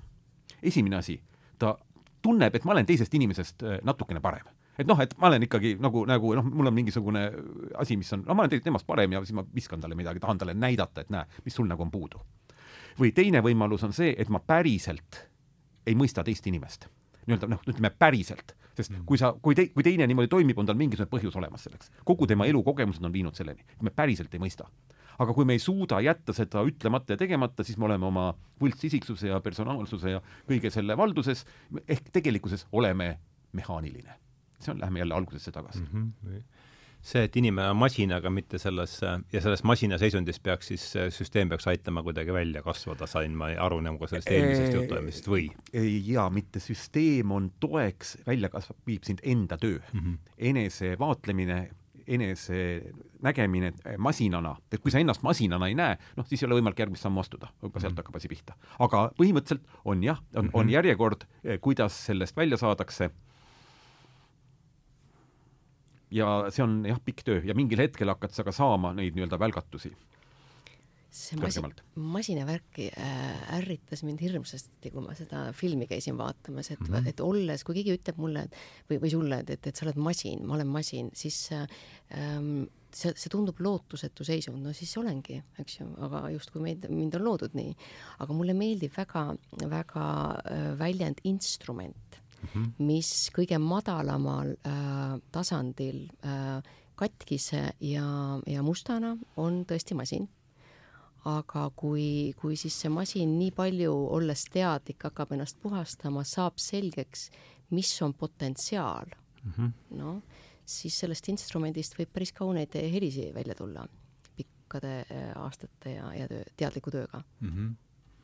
Um me tuleks tagasi sellesama inimese võimaliku arengupsühholoogia, et mis oli, veel kord, et, et ma saan aru, et see ikkagi mõjutas seda teekäänakut päris oluliselt või suunda, et ja. mis sa, oli seal mingi koht, mis oli see, mis sa, mis, mis sind seal haaras? tuleb, oskad sa seda jaa, tähendab, esimene asi oli, seal on nüüd mitmed asjad, esiteks kirjeldatakse ära erinevalt psühholoogiast, milles ma olen ka, noh, mul on, ma olen magistriõppes psühholoogia lõpetanud, inimese psüühika täiesti teistmoodi. Mida, mida mitte kuskil kunagi pole kirjeldatud, neid, ütleme, üksikuid fragmente on seal välja võetud, aga seda süsteemi kindlasti ei ole mõtet üldse panna teadusliku psühholoogia terminitesse, võib selle nagu ära unustada. seal on siis nii-öelda, et me oleme, koosneme erinevatest keskustest, mõtlemiskeskus, tundekeskus, liikumiskeskus ja siis on ka veel tegelikult instinktiivne keskus ja neid peaks kõike lahti rääkima, aga ma ei hakka seda praegusel hetkel tegema no.. lisaks on olemas veel ka seksuaalkeskus, aga kuna seksuaalkeskus on kõige huvitavam, siis ma lihtsalt võin natuke sellest nagu rääkida. teeme natuke rahvale nii kaua, kui sa scroll'id, ma äh, toon kokku. paneme rahvale põnevaks ka natukene. mõte, pea, äh, tundekeskus, süda ja keha, siis keha sees on instinktiivne keskus, mis vastutab äh, organisüsteemide eest ja kõikide mitteõpitud reaktsioonide eest. liikumiskeskus, mis vastutab siis liikumisest ja teadlike ähm, liikumiste eest ja siis seksuaalkeskustest hakkab nüüd Alar kohe rääkima. ja räägime lihtsalt seksuaalkeskusest, kuna see on nii-öelda diiser kõigile, kes selle tahavad kunagi tegeleda, et natukene huvitavam. aga, aga ma, enne kui me sinna läheme, et ma saan aru, et see alternatiivne, mis sind lummas või, või huvi äratas, oli alternatiivne käsitlus inimpsühholoogiast ja see on siis need erinevad keskused, milles see tähendab, jaa, tähendab, ja esimene asi, mis siis oli, tuleme selle juurde tagasi, olid siis erinevad äh, keskused, tähendab, oli lahti kirjeldatud, millest sa nagu koosned. siis oli lahti kirjeldatud, mille pärast need osad omavahel koostööd ei tee mm. -hmm. edasi oli lahti piltlikult kirjeldatud, eh, mis on noh, energialekked mm -hmm. ja ka antud viited, kuidas neid hakata peatama ja sammud, mida nagu tegema hakata nagu mm, -hmm. nagu, nagu väike lootus oli selle jaa, väike lootus oli mm. -hmm. ja, ja seal oli välja toodud ka süsteemi kõik sellised nii-öelda nimetame põhilised ideed ehk nii-öelda raamistik, millele sai edasi hakata üles ehitama. ja ma ütleks siiamaani jah, et ma olen kaks aastat lugenud, ma ei ole leidnud mitte ühtegi ideed, mis oleks minuga nagu vastuolus uh. -huh. ma, ma ei ole mitte ühtegi senini leidnud, ma kogu aeg vaatlen enda sees ja vaatan. tegelikult ongi küsimus selles, et süsteem ei käsi sul mitte midagi. et sa pead seda ja seda tegema. et süsteem käsib sul võib-olla mõned asjad tegemata jätta mida sa, kus sul on energialekked. et selle koha pealt on erinevus. et eh, vähendada oma rääkimist, peatada oma nii-öelda mõtete suvaline voog, peatada negatiivsete emotsioonide väljendamine, peatada valetamine, tähendab, ta ei käsi sul teha, et sa pead olema see ja teine ja moraalne ja ei tea mis asju, selles ei ole küsimus. et eesmärk on ikkagi nii-öelda iseendaks saamine, nagu kõigis teisteski, aga ilma sellise kurulikkuse ja dogmadeta mm. -hmm. Mm -hmm. aga nüüd sa tahtsid seal jaa, ma siis räägiks seksuaalkeskusest, kuna ma endal, see on kõigile pakub huvi ja, ja seksuaalsus, mis need ongi siis, seks, raha ja surm, kolm tabuteemat, mida omavahel ei räägita. et need on seltskonnas alati, kui sa neid puudutada, on alati kõigil läheb põnevaks ja huvitavaks. sest muidu noh, keegi viskab mingi mõtte ja teine ütleb oma mingi assotsiatsiooni ja ei anna mitte midagi. aga tuleme seksuaalkeskuse juurde mm. -hmm. nii et kõigepealt eh, Gurdžievil on olemas erinevad tasandil olevad energiad inimeses. tal on ära kirjeldatud, mismoodi toit, õhk omavahel segunevad ja moodustavad teatavad energiad ja kõige kõrgemad energiad moodustavad muljed, mida ka inimesed näiteks väga selgelt tajuvad, näiteks kui me oleme siin praegu ja siit ära minnes tuleb telefonikõne, et keegi lähedane on surnud, siis kogu meie energeetiline süsteem vastava mulje tõttu on täielikult muutunud. nii et muljed on kõige kõrgemad energiad. ja seksuaalkeskus töötab hästi kõrgete energiatega ja ta on kiirem kui kõik teised keskused. Eh, vahemärkusena näiteks emotsionaalne keskus uuringute järgi, mida nad ise tegid omal ajal, väidavad, et on kolmkümmend korda kiirem kui mõtlemiskeskus, sest ja ta ongi kiirem ja automaatne. ja seksuaalkeskus omamoodi ka juhib teisi keskuseid, aga ta ei tööta, nimetame õigesti, tänu puhvritele ehk kaitsemehhanismidele, mis meil on teises teaduse seisundis. Või ütleme, nimetame, et Gurdžiev isegi ütleb, et teises teaduse seisundis ehk nii-öelda tavamaailmas ta ei töötagi mitte kunagi õigesti et esiteks teised keskused äh, varastavad talt energiat, nullivad energiat, takistavad tal töötamast, kasutatakse tema energiat valesti nii et kui teised keskused kasutavad seda energiat, siis seda iseloomustab selline eriline, nimetame ka kohe selline maitse, nii-öelda kirglikkus inimeste puhul mm. -hmm. ja nii-öelda mingisugune niisugune tugev, tugev tunne. ja ma tooks nüüd välja ka näiteks seksuaalkeskuse energia erinevad väärkasutamised. näiteks intellektuaalne keskus saab kasutada Eh, seksuaalenergiat. mida, mis siis kasutades toimub, toimub see, et eh, inimene alati võitleb, kritiseerib ja väitleb, kuid seda seisundit saab kasutada ka raamatute kirjutamiseks ja artikliteks, aga alati seal ollakse kellegagi nii-öelda vastuolus. seal on, luuakse niisuguseid subjektiivseid teooriaid, selle asemel, et uurida näiteks filosoofiat, et seal on selline kirglikkus ja teistele vastuhakkamise moment on nagu juures. et see on siis nii-öelda intellektuaalne keskus, kui ta kasutab seksuaalkeskuse energiat. inimene, kellel seksuaalkeskus on kõik korras, ta on ju rahulik, mõnus, kõik on ju maailm nagu väga hästi paigas. aga noh, meie ühiskond on selle koha pealt jätnud need asjad natukene, tahab nii-öelda kontrolli alla võtta ja, ja võib-olla hoopis nii mitte nagu ei peaks. aga see on omaette teema. emotsionaalne keskus, kuidas emotsionaalne keskus, kui ta seksuaalenergiat kasutab? noh, siis ta moraalitseb, nõuab vooruslikkust, karskust, hirmutab patuga, põrguga patuste piinaga. ja seda kõike niimoodi üsna kirglikult, mis näitab kirglikult on täiesti kirglikult, just. keskne mõiste, jah. E, e, teeb revolutsioone, põletab, röövib, tapab, et seal on selline jah, selline kirg, kirg tugevalt nagu taga. Et e, emotsionaalse keskuse puhul näiteks, kus ütleme kohe, kus seda nagu ei nähta, ma nüüd toon sellise näite, ma nüüd loodan, et ükski ajakirjanik seda üles ei võta ja kui ta üles võtab, siis ta võib iseennast vaadelda seda, et see näide nüüd on mul Tartu Ülikooli õppejõult ja tema tõi sellise näite, et keskealised naised kes siis ise enam ei saa, hakkavad meeletult mõtle, võitlema prostitutsiooniga. Ehk ise enam ei saa ja teistel ka nagu ei lase mm. -hmm. et seal on ka siis nii-öelda seksuaal, seksuaalenergia nagu tegemist nii-öelda väärkasutamisega. ma ei ütle, et kas see mingi on asi on õige või vale, eks ole, et Taanis peale seda ju, kui tekkisid bordellid, siis vähenes seksuaalkuritegude arv eh, mis ei tähenda, et neid peaks nagu tegema, ma ei mõtle seda küsimust, et alati tuleks vaadelda alati as-, as-, asju ühelt poolt ja teiselt poolt. isegi Gurdžijevi üks selline süsteem ütleb, et kui midagi on, vaata alati vastaspoolt ja näiteks ükskord oli neil eraldi arutelu, mikspärast Gurdžijevi süsteem on vale et olla valmis ka selle üle arutlema. nii et ma toon lihtsalt selle nagu hetkel välja. nii et emotsionaalne keskus võib siis kasutada seksuaalkeskuse energiat ja kolmas on siis liikumiskeskus. noh, liikumiskeskusega on siis see, kui ta siis püstitab rekordeid ja ronib mägedes ja tegeleb ekstreemspordiga, võitleb et selline väga on vaja oma selline sisemine pinge, mis on siis, väljendatakse äärmuslikus spordis, kus sul nii-öelda adrenaliin kehas paneb läbi ja, ja see energia on siis ära kasutatud. muidugi Gurdžijev ütleb, et et mitte ükski keskus ei loo mitte midagi kasulikku seksuaalenergiaga. et kasulikku luuakse loovenergiaga. on olemas energiate tasandid, kaheksa, kaksteist tasandit, kuidas energiad liiguvad ülespoole. et äh, aga see on nüüd eraldi teema. ja seda kõike teades ennast jälgides, teisi jälgides, siis noh, kui, kui oled püüdnud ennast äh, kaardistada nende selle kaardi, ette antud kaardi peal, siis tekib mõistmine, et okei okay,, tal on praegu noh, mingid asjad praegu jooksevad natukene valesti, on nagu on, eks ju. et siis, siis on võimalus ka olla nii palju kohal, et ei reageeri sellele mm. -hmm jah, see tuleb ikka läbi enda, kõigepealt arusaamine endast ja. ja siis arusaamine teistest, et teistpidi on see vist, on kuidagi mhm. peaaegu et võimatu. peaaegu võimatu, jah. just, et, et see esimene šokk on see, et ma teadvustan, et, et ma olen täiesti nagu, tõesti olengi masin ja robot. ja siis saad aru, et, et kogu maailma hädad on sellepärast, et me kõik oleme sellised ja ainus, mis ma praktiliselt teha saan, on äh, siis endaga tööd mm. ja võimaluselt siis noh, kui ma kuhugi olen oma tööga jõudnud, siis äkki see kuidagi mõjutab ka teisi.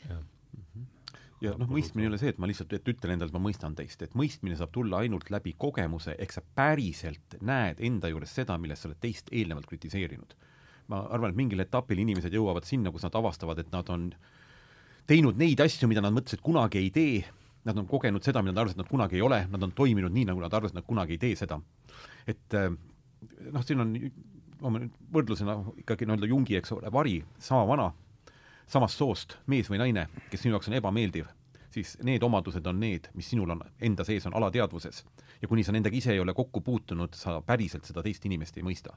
ja kui sa sellega kokku hakkad puutuma, siis äh, on see erakordselt ebameeldiv, käivituvad kaitsed, õigustused, mis annab jälle võimaluse oma kaitseid ja õigustusi vaadelda, sest neist kõigist tuleb tegelikult vabaneda. et eesmärk on oma olemusega uuesti nii-öelda kokku saada mm. -hmm. siin on mis ei tähenda, et sa siis nii-öelda see personaalsusest nagu täielikult loobud, siin on omad etapid, eks ole, kui sa personaalsusest loobud, siis sa oleksid väga primitiivne, personaalsus tuleb endiselt sealt olevat energiat kasutada, nii-öelda jälgija peab seal olema abiks ja siin on, see kõik on väga põhjalikult lahti kirjutatud, mida ma olen ka kogu aeg enda juures nagu näinud. vahepeal küsiks, et, et sa, me siin tulistame niimoodi Alariga võidu, et, et, et mis mis sind hetkel nagu praegu selle, ma ei tea, mitmekümne minuti peale nagu kõige rohkem köidab siin? hea küsimus mm.. no ma olen siin teinud märkmeid ja üks asi, kui sa nüüd niimoodi küsid, siis on ikkagi see, ja see jäi mul juba eelmisest vestlusest, see pisimina, ta on hea, hea kujund ja see on terve loomaaed neid seal, et võib-olla siis äh, tuleme selle, selle pisiminade satsi juurde tagasi, et sellega ma arvan, et meil kõigil äh, tegemist, et ma mäletan, kui ma omal ajal hakkasin äh, Petersoni kuulama ho hoolega, siis tema, noh, tal tuli see, et see, ta isiksus on alamisiksuste kaoot-, kaootiline, kaootiline jõuk, et, et see see pisiminade, no ega see probleem, kui seda asja niimoodi vaadata, siis kuidas see, noh, kuidas see kamp kuidas see, see kamp koos hoida, et äh, üksteist, ennast ei hävitaks ja teisi ümber, et äh, ja, ja ma ei tea, kellelt siit saad see on, et lihtsam on juhtida äh, linna kui, kui ennast, aga et see noh, Maarja tõi selle kujundi ju, et, et see linn, linn on seal sisuliselt meie sees, et et sikutaks seda pisiminade, kui sa juba niimoodi küsisid. ma, ma ja, ja kuidas, võib-olla hakkakski sinnapoole siis liikuma et kuidas me nüüd nende liikumistega, me nüüd äh, hakkasime liikumistest, ehk siis rääkisime sellest üldisest süsteemist, jõudsime nende pisiminadeni, et hakkaks nüüd vaikselt nad läbi nende pisiminade, olles nüüd natuke seda süsteemi nuusutanud, et kuidas me nüüd hakkame vaikselt lahenduse peale liikuma, siis ma olen enam-vähem poole peal. ma ähm, võtan esimese osa, ma kirjeldan pisiminade äh, nii, nagu mina tajun ja, ja olen aru saanud ja siis sa võtad jutujärje üle sest et need pisiminad, neid võib võtta ka nagu väga lihtsalt, aga tegelikult loomulikult on, on nad kõik omavahel seotud, sest mõte, tunne ja meie keha äh, ja seal äh, nii-öelda need pisiminad moodustavad komplekse, eks ju, neil on just, jõugud. just ja... Need lähevad omavahel veel, eks ole. oi, ja siis nad on omavahel sõja jalal ka ja, ja seda kõike näha enda sees äh, ei ole nagu noh, on vajalik, aga, aga ei pruugi olla kõige meeldiv. aga mis, mis on oluline, mis minu jaoks oli täielik ahhaa, oli see, et kuidas ma saan siis äh, vaadata, et kes kus asub, mis linnajaos, mis pisimine on. ja siin on äh, sama see, seal raamatus ka välja toodud väga hea nagu ähm, indikaator, et tähelepanu, kui on hüplev, siis on, me, me oleme kõige masinlikumas äh, olekus. kui, kui tähelepanu äh, reageerib ainult sellele, mis, mis äh, trigger'id väljaspoolt tulevad, siis me oleme kõige masinlikumas olekus üldse, nii mõtte, tunde kui ka keha osas äh,. siis on äh, kõikidel keskustel nagu keskmine tase, kus tähelepanu on hoitud väljapoolt mingi noh, ma ei tea, sport, mingi film ja siis kõige kõrgemal tasandil äh, elavad pisiminad on, on siis need, kes suudavad hoida tahtega tähelepanu kohal. ja, ja kui, kui see loomaaed niimoodi ära lahterdada, siis tekib üsna selge pilt, et kes elab getos ja kes mitte. Mm, ja, ja on pisiminad, mis on tekkinud mitte pisiminad, vaid pisiminade siis kompleksid, et äh, mis on tekkinud mingi valu põhjal, mingi, mingi negatiivse kogemusega, seal on fikseeritud mõtte ja tundemustrid, mis on ka kehalised, äh, millele mm. siis väljapoolt ma reageerin ja, ja, ja seda seestpoolt näha, ähm, et ahaa, sel, seda pisiminade kampa ma pean hakkama nüüd nõrgestama, mis tähendab seda, et ma pean mhm. olema mm Äh, kui see, kui keegi ütleb midagi või puudutab mingit konnasilma, mis, mille peale tavaliselt see kompleks reageerib, siis ma pean olema nii palju kohal, et, et mitte reageerida, eks ju, ja saada aru, et hea küll, nüüd ta on aktiivne, aga ma jätan, jätan vanal viisil mõtlemata, ütlemata, käitumata mm. -hmm. kus ma jõudsin nüüd, Alar? oled no see on niimoodi, mina praegu hetkel kuulasin mehaaniliselt, mehaaniline kuulamine, see, et mäletatakse viimast lauset ja sa siis ütlesid, et jätad ku kuulamata või jätad ütlemata vastavalt. Okay.. Äh, et mul oli natukene mehaanilist kuulamist, sest ma olen ka selles kohas, et kus sa kuulad, aga samal ajal mõtled, mida nagu ütled. Järgmisena, mis on tegelikult vale koht. Okay. et äh, sa jõudsid sellesse kohta, et äh, ma avastan ennast alailma, alailma ma avastan ennast sealt tegelikult, jah. okei okay,, siis ma seon ise ära praegu, sellepärast et meil on need pisiminade kompleksid, nad elutsevad erinevatel tasanditel seal linnas, mõned on low sketo getoelanikud ja neid geta, getoelanikke me peame ära tundma ja kaardistama, sest nende, nende meie sees olevate pisiminade osade äh, eesmärk ei ole meie areng. vastupidi, nad ei ole üldse huvitatud, et me oleksime äh, ärkvel, teadlikud ähm, täna tahan dieeti alustada, kolm kilo äh, alla võtta äh, kahe kuuga mm, -hmm. siis on, on tegelasi, kes, kes üldse ei taha, noh, see dieet oli kõikidele naisterahvastele äh,, või, või tahan enesearenguga tegeleda ja siis need pisiminad kuulevad mingit uudist ja siis hakkavad ketrama seda, sest et nad toituvad sellest, eks ju mm. -hmm. ja nüüd, kus, kus siis saavad need liikumised meid aidata, on see, et kui me loeme sedasama raamatut, siis meie mõte on haaratud. kui me tantsime, saame mingit joogakogemust või, või siis on meie keha või tunne haaratud, aga mm, liikumispraktikad, mis Gurdjiev on välja tootanud, töötanud, toovad siis mõtte, tunde ja keha mm -hmm kogemuse kokku. Ja siis on meie need keskused, millest me oleme rääkinud, siis intellektuaalkeskused, mõte, emotsionaalkeskus ehk tunne või süda ja, ja siis instinktiivne keskus, seksuaalkeskus ja liikumiskeskus ehk keha ja. on sama tugevusega siin praegu koos mm. -hmm. aga kas siis võiks need mõt-, no me rääkisime, et nendest pisiminadest võib äh, koostada erinevaid äh, meeskondi või, või, või siis assotsiatsioone, et kas need, kas see, ütleme, et mõttetunde ja mõttetunde ja mis me, mis see keha, keha ja et kas nojah, see päris on teise kategooria jaotus, et ei saa päris neid pisiminasid äh, niimoodi. saab, saab, saab, saab, saab, saab, nad on ju, nad on ju jõugud mm. -hmm. tuleb mingi negatiivne mõte, millele, õigemini tegelikult tuleb tunne, millele järgib mõte, juba mu lõuapärrad on omavahel äh, kokku surutud. see on kõige, noh, lihtsam, primitiivsem, eks ju mm. -hmm no teine võimalus on, et, et iga, et igal noh, täpselt, ega see ei ole ju mingi täppisteadus siin, aga üks teine võimalus on jälgida, et selles igas pisiminas on see kehaline, mõtteline ja tundeline komponent ka olemas. seda võib nii ja naapidi. nii või nii, ma räägin, et seda võib nii ja tähendab, minu arust ütleme, süsteem räägib ka sellest, et kõigepealt me peame enda sees neid ära hakkama eristama mõtlemiskeskust, tundekeskust ja kehalist keskust. jah, see on esimene. ja, ja, ja, ja siis me hakkame avastama, milline mina veel milliseski pesitseb. ja lisaks on muidugi igas keskuses veel nii-öelda mõtlev, tundev ja kehaline osa. nii-öelda emotsionaalses keskuses on tegelikult ka mõtlev osa olemas ja mõtlevas osas emotsionaalne osa. et see on tunduvalt keerulisemaks ja. läheb. ja siis erinevad minad, näiteks on mõned minad asetsevad äh, emotsionaalses keskuses ja mõned asetsevad ka kehalises keskuses. siis kui me seal ikkagi hakkame neid harjutusi tegema, siis me loome täiesti uue mina, kes mäletab neid liig-, liigutusi ma olen ise märganud, et üks võimalus on mäletada ära seda järjekorda intellektuaalselt, et nüüd vasakule-paremale ülesse, mis on täiesti võimatu, ja teine on pildiliselt, kus ma näen, kuidas ma liigutan kätt, või kolmas nii-öelda kehaliselt. nii et siin on äh, ütleme, väga spetsiifiliseks minek, nii et mis ma tahan öelda, et need minad asetsevad erinevates keskustes, aga omavad kõiki komponente mm. -hmm ja on omavahel veel jõuke moodustavad. jõuke moodustavad ja nende omavahel on puhvrid. lugu on kaunis segane.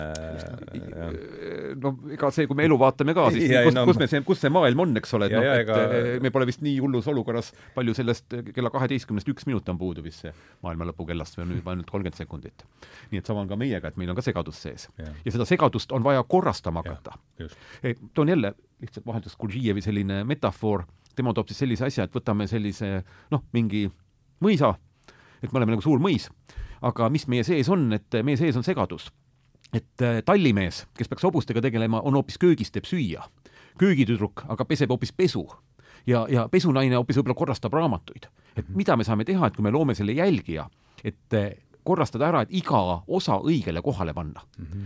ja liikumiskeskusega tegelemine annab inimesele esimest korda võib-olla aimu sellest, kui automaatne ta on liikumiskeskus ja et sa saad tegelikult sellega kontakti.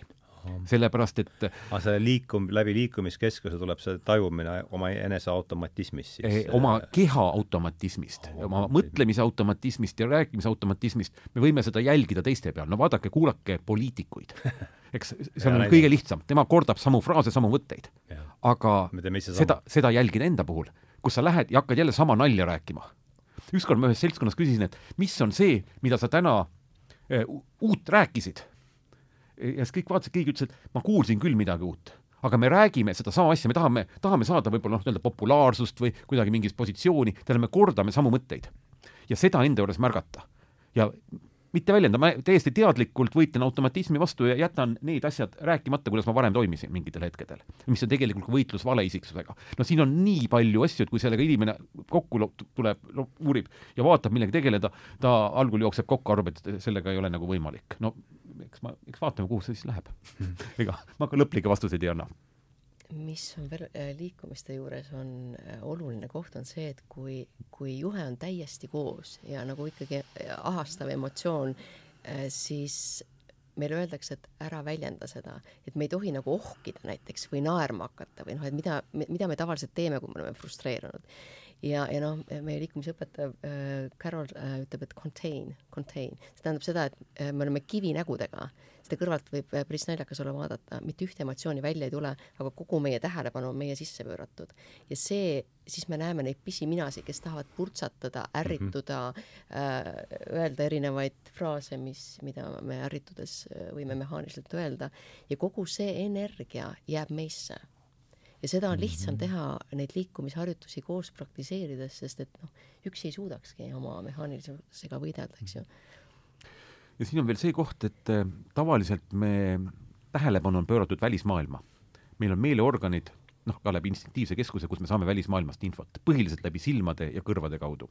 ja meil puudub otseselt tajumisorgan enda siseseisundite tajumiseks. Ja see on see, mida me peame arendama et nii-öelda seitsekümmend viis protsenti tähelepanust oleks sisemaailma ja tegelikult teine osa nagu välismaailmal.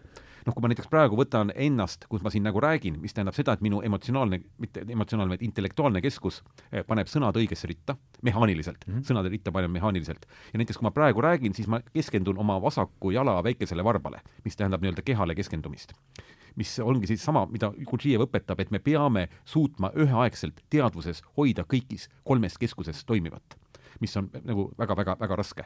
ja, ja sisemaailma jaoks on meil siis see meeleorgan puudu, mida me hakkame tegelikult arendama. minu arust Steiner on kirjeldanud, ma ütleks ikka aeg-ajalt võib natuke teistest üle võtta, et me loome mingil hetkel uue organi enda sees, mis on võimeline ennast nagu tajuma sisemaailma meeleorgan, jah? siis meeleorgan, mis sisemaailma jah, ja see on see inner taste, kus sa, mingi osa ütleb mulle, et aga ma ju praegu valetan mm. -hmm.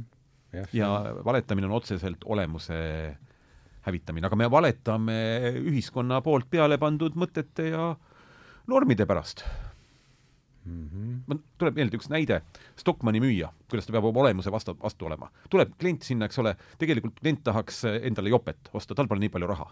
ja tema tahaks tegelikult kinkida, aga ta ei saa seda teha. ta peab täitma käsku. Ja noh, sealt muidugi kõige hullemalt ja kõige kaugemal oma olemusest on sõjaväelased ja poliitikud, et mida suurem on süsteem, mille norme sa täidad, enda vastu, eh, seda kaugemal sa oled oma olemusest. nii see vist on, jah. aga no ikkagi see, no see, ma mäletan, et kui ma nüüd üle kuulasin seda eelmist saadet, et seal käis sama asi, et et noh, hästi, on see pisimina, aga siis ikkagi jut-, meie jutu sisse libiseb ka see mina, kes siis ikkagi justkui vaataks seda mm. -hmm see, see on seesama, see jälgija tekitamine, ma mhm. kujutan ette, on see esimene samm vast üldse sellest no ma sõnastaks korra, sa saad täiendada. et mina, mina sa-, ütlen selle kohta niimoodi, et inimesed siis ja ma ise mõtlevad, et noh, minus on palju minasid, seda juba märgatakse, ja siis ma võtan need kõik kontrolli alla. ja püütakse kuidagi neid nagu kontrolli ja alla võtta. kes on see mina siis? ja et keegi, kes siis võtab kontrolli alla. süsteem ütleb, et nende kontrolli alla võtmine selliselt ei olegi võimalik. et see on võimalik alles siis, kui me loome nii-öelda selle jälgija. ja me ei räägi sellest süsteemist, mis siin akna taga on, vaid ikkagi Gurdžijevi süsteem. Gurdžijevi süsteemist ja, ja, ja., et alles siis, kui me loome jälgija ja on võimalik paigaldada need erinevad minad õigetes kohtades, sellel on oma järjestus, kuidas selleni nagu jõuda, aga see, et ma nüüd niimoodi otsustan ja nüüd on see minu kese midagi, on olemas küll nii-öelda see mina kese ja, ja mis on ühenduses, võib-olla nimetame kosmilise keskmega ja kõik need on olemas, aga nendele takistavad puhvrid ja asjad ja, ja sellise nii-öelda tavamaailmas me selleni nagu tegelikult ei jõua me jõuame selleni ainult enese jälgimise teel. ja mul on natukene segane, sa võid täiendada, et kas jälgivast minast moodustub siis nii-öelda mina kese või siis jälgiv mina suudab hiljem luua ühenduse sinu enda keskmega. mulle ja. meeldib, et see on tegelikult see teine variant. ja kus on garantii, et see jälgiv mina ei, ei lahustu jälle samasugusteks äh, pisiminadeks, kus see probleem kõik alguse sai, et noh, veel kord te, tegemist ei ole ju täppisteadusega, see on ka selge, aga et see, see lahustamise, lahustumise koht on väga selgelt välja toodud, et niipea, kui tekib samastumine pisiminaga, pole jälgija aktiivne. ahah et mingit lahustumist kui sellist ei toimu. see tähendab seda, et jälgija ei ole aktiivne, ehk siis me ei ole ärkvel. aga, aga mm -hmm. no ma ei tea, Alar, ma annan teada, kui ma sealmaal olen, eks ju, et siis ma et ma ei, ma ei oska öelda, need on ideede, ideede tasandil, et et nii palju, kui mina olen aru saanud, on see, et meil on see väik-, see, see lapselik olemus, millega me oleme sündinud, sinna kõrvale me toome jälgija, kes jälgib nii seda lapselikku olemust noh, võib-olla praegu tahaks vahepeal tantsida hoopis või laulda, on ju, et et, et noh, ma ei hakka sellepärast, et, et pole nagu see koht aga jälgija on see, kes kontrollib seda meie sündinud olemust kui ka erinevaid neid pisiminasi. ja siis äh, me loome uued kõrgemad pisiminad, kellel on jõudu äh, et siis kontrollida või ütleme, et me isegi ei kontrolli, vaid siis tekib jõud, et, et vaigistada need väiksed getoelanikud. sest et, et me oma tahtega, no mina ei ole võimeline, et, et no ma ei ole nüüd negatiivne, ma ei mõtle selle peale, ma pean oma tähelepanu viima mingile muule asjale, ehk siis ma tegelen selle süsteemi ideedega, tegelen liikumispraktikatega, millega me loome uued, uued pisiminad, kes on tugevamad mm -hmm. ja kellel on, kellega on minu üks eesmärk ehk siis sisemine areng on ju. Jah, William James ütleb, tema küll pisiminnasid ei kasuta, aga lihtsalt mingit psüühilist energiat me kanname ühest sektorist põhimõtteliselt teise ja, ja, ja mis midagi, noh, mingil tasandil need erinevad süsteemid kuidagi ikkagi hakkavad, noh, nendest on võimalik niimoodi rääkida ja neid võrrelda, mulle tundub. -hmm. no seal ütleb, et need minad kõigepealt, kes on huvitatud, nagu Gurdjieff nimetab, tööst iseendaga. Ja need hakkavad moodustama niisugust suuremat mina, kuni noh, mingil hetkel on jah, et kes siis suudavad nagu kontrollida nii-öelda neid teisi minasid ja aga see on hästi pikk protsess, sest noh, pigem, pigem seal inimesed ehmatavad ära, et kui sa ikkagi märkad, et sa oled automaat ja sa ei kontrolli. tähendab, see on ikkagi väga raske koht, kui sa näed, kui palju sinus toimib seda, mida sa ei tahaks, et see nii oleks. see on minu jaoks kõige, kõige keerulisem koht. ja järgmine asi on see, et see nii-öelda üldse saaks toimida, nii-öelda, et see päris tahe tekkida, peab olema ikkagi äh, vastavat energiat, sest meil on, seal on ära kirjeldatud täpselt ka nii-öelda tasandite kaupa alates eh, toidust ja hingamisest, eh, kuidas ta muutub nii-öelda kõrgemateks energiateks, mis seda nagu kulutavad, sest meil on energialekked, mis ikkagi, energialekete peatamine on kõige esimene asi. et ilma selleta ei ole mit, võimalik mitte kuhugi jõuda. seda ma, see kõlab usutavalt, jah ja. muidu ei ole seda psüühilist energiat võimalik seal ümber jaotadagi üldse, kui see kõik jah, täpselt ja. nii mm. -hmm. aga kuidas siis äh, no see on hea, see on kohe koht, kuidas peatada energialekket siis, ma, mul täiesti, see on täiesti, tundub täiesti arusaadav ja, ja mõistetav igatepidi, et, et see on see, kuidas, mida tuleks teha, kuidas, teine küsimus, kuidas? no me saame kogemusi jagada, et kuidas ähm,, kuidas mina Just. teen seda, kuidas mm -hmm. ma alg-, alustasin. et kõigepealt tuleb ennast mäletada ja mäletada seda ideed, kohal olla sellel hetkel, kui ma saan aru, et nüüd ma äh, olen negatiivne, kirun näiteks, eks ju.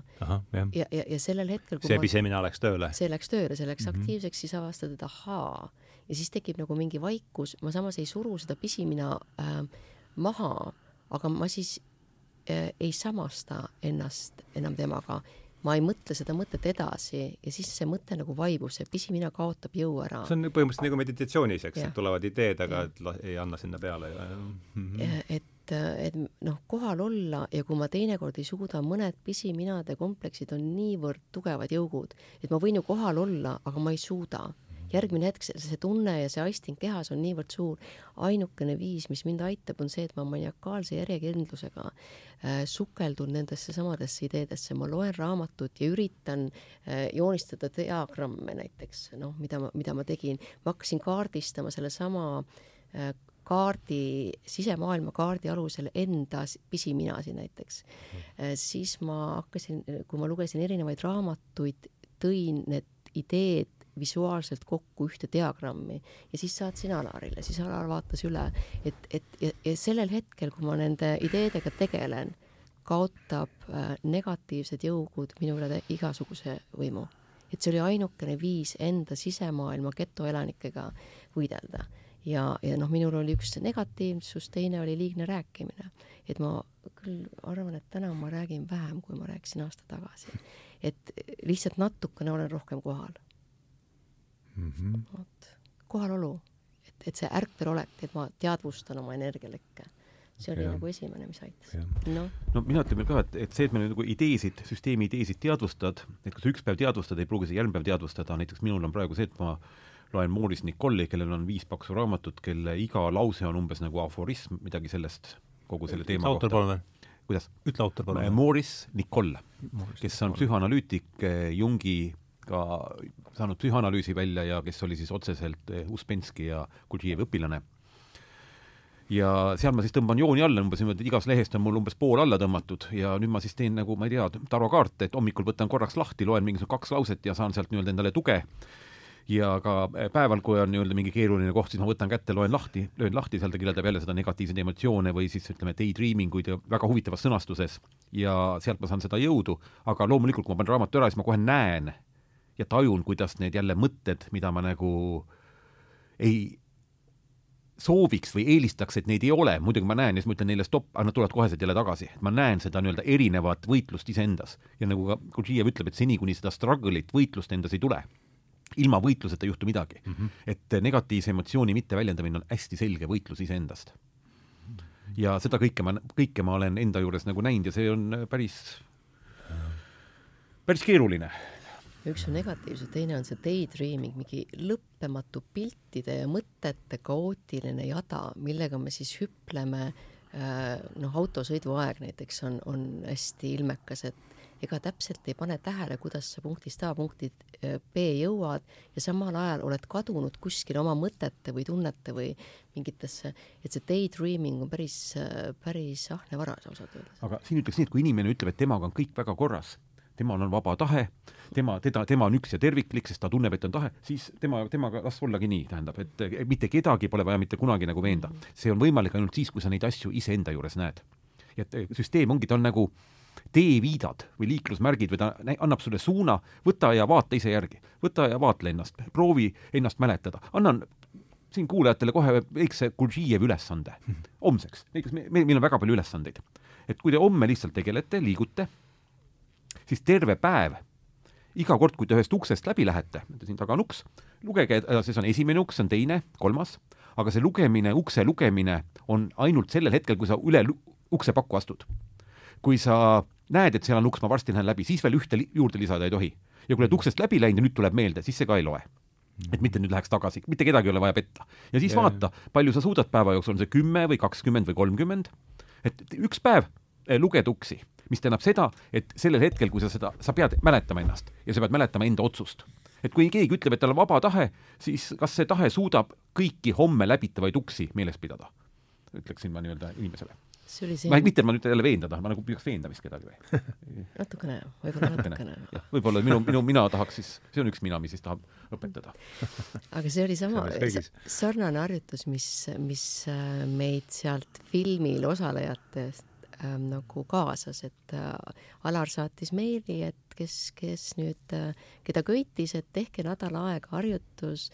Iga kord, kui te sööte, mäletage pale, parema jala suurt varvast. Mm siis ma mõtlesin, no vahet, no mõeldud-tehtud, eks ju, et et ega siis, kui, kui raske see olla saab, äh, on, on söömine ja parema jala suurvarvas. ja, ja, ja siis, kui ma olen nädala lõpus, mul tuli see meelde küll, aga, aga äh, mitte siis, kui ma sõin. nii et ma arvan, et, et söök, söömise ajal mul tuli meelde võib-olla paar korda nädala aja jooksul ja see ilmestab, kui lõhestunud me ise oleme seesmiselt. et ma otsustan kogu oma täieteadliku nagu otsusega, et nüüd nädala aja jooksul iga kord, kui ma söön, ma mäletan oma varvast ja tegelikult see pole võimalik, eks ju.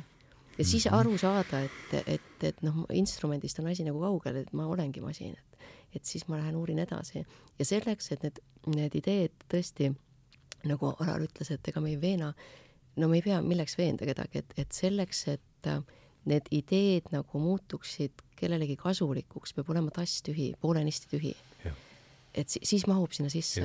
jah, see on jah niisugune ja. kujund, mis on jah ja. varemgi ette tulnud ja, ja.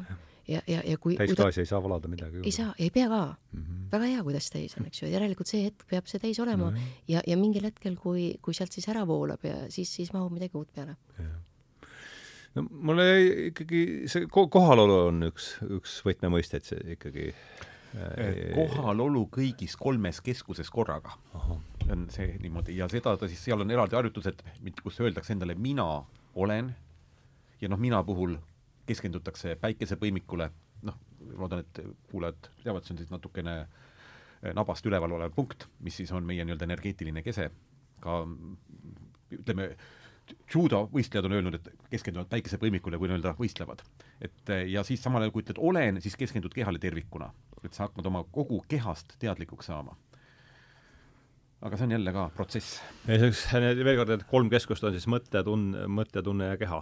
ja noh, kehakeskus jaguneb veel liikumiskeskus, instinktiivne no, keskus ja seksuaalkeskus, aga põhimõtteliselt on kõige lihtsam ütelda mina, tunne ja keha. Mm -hmm.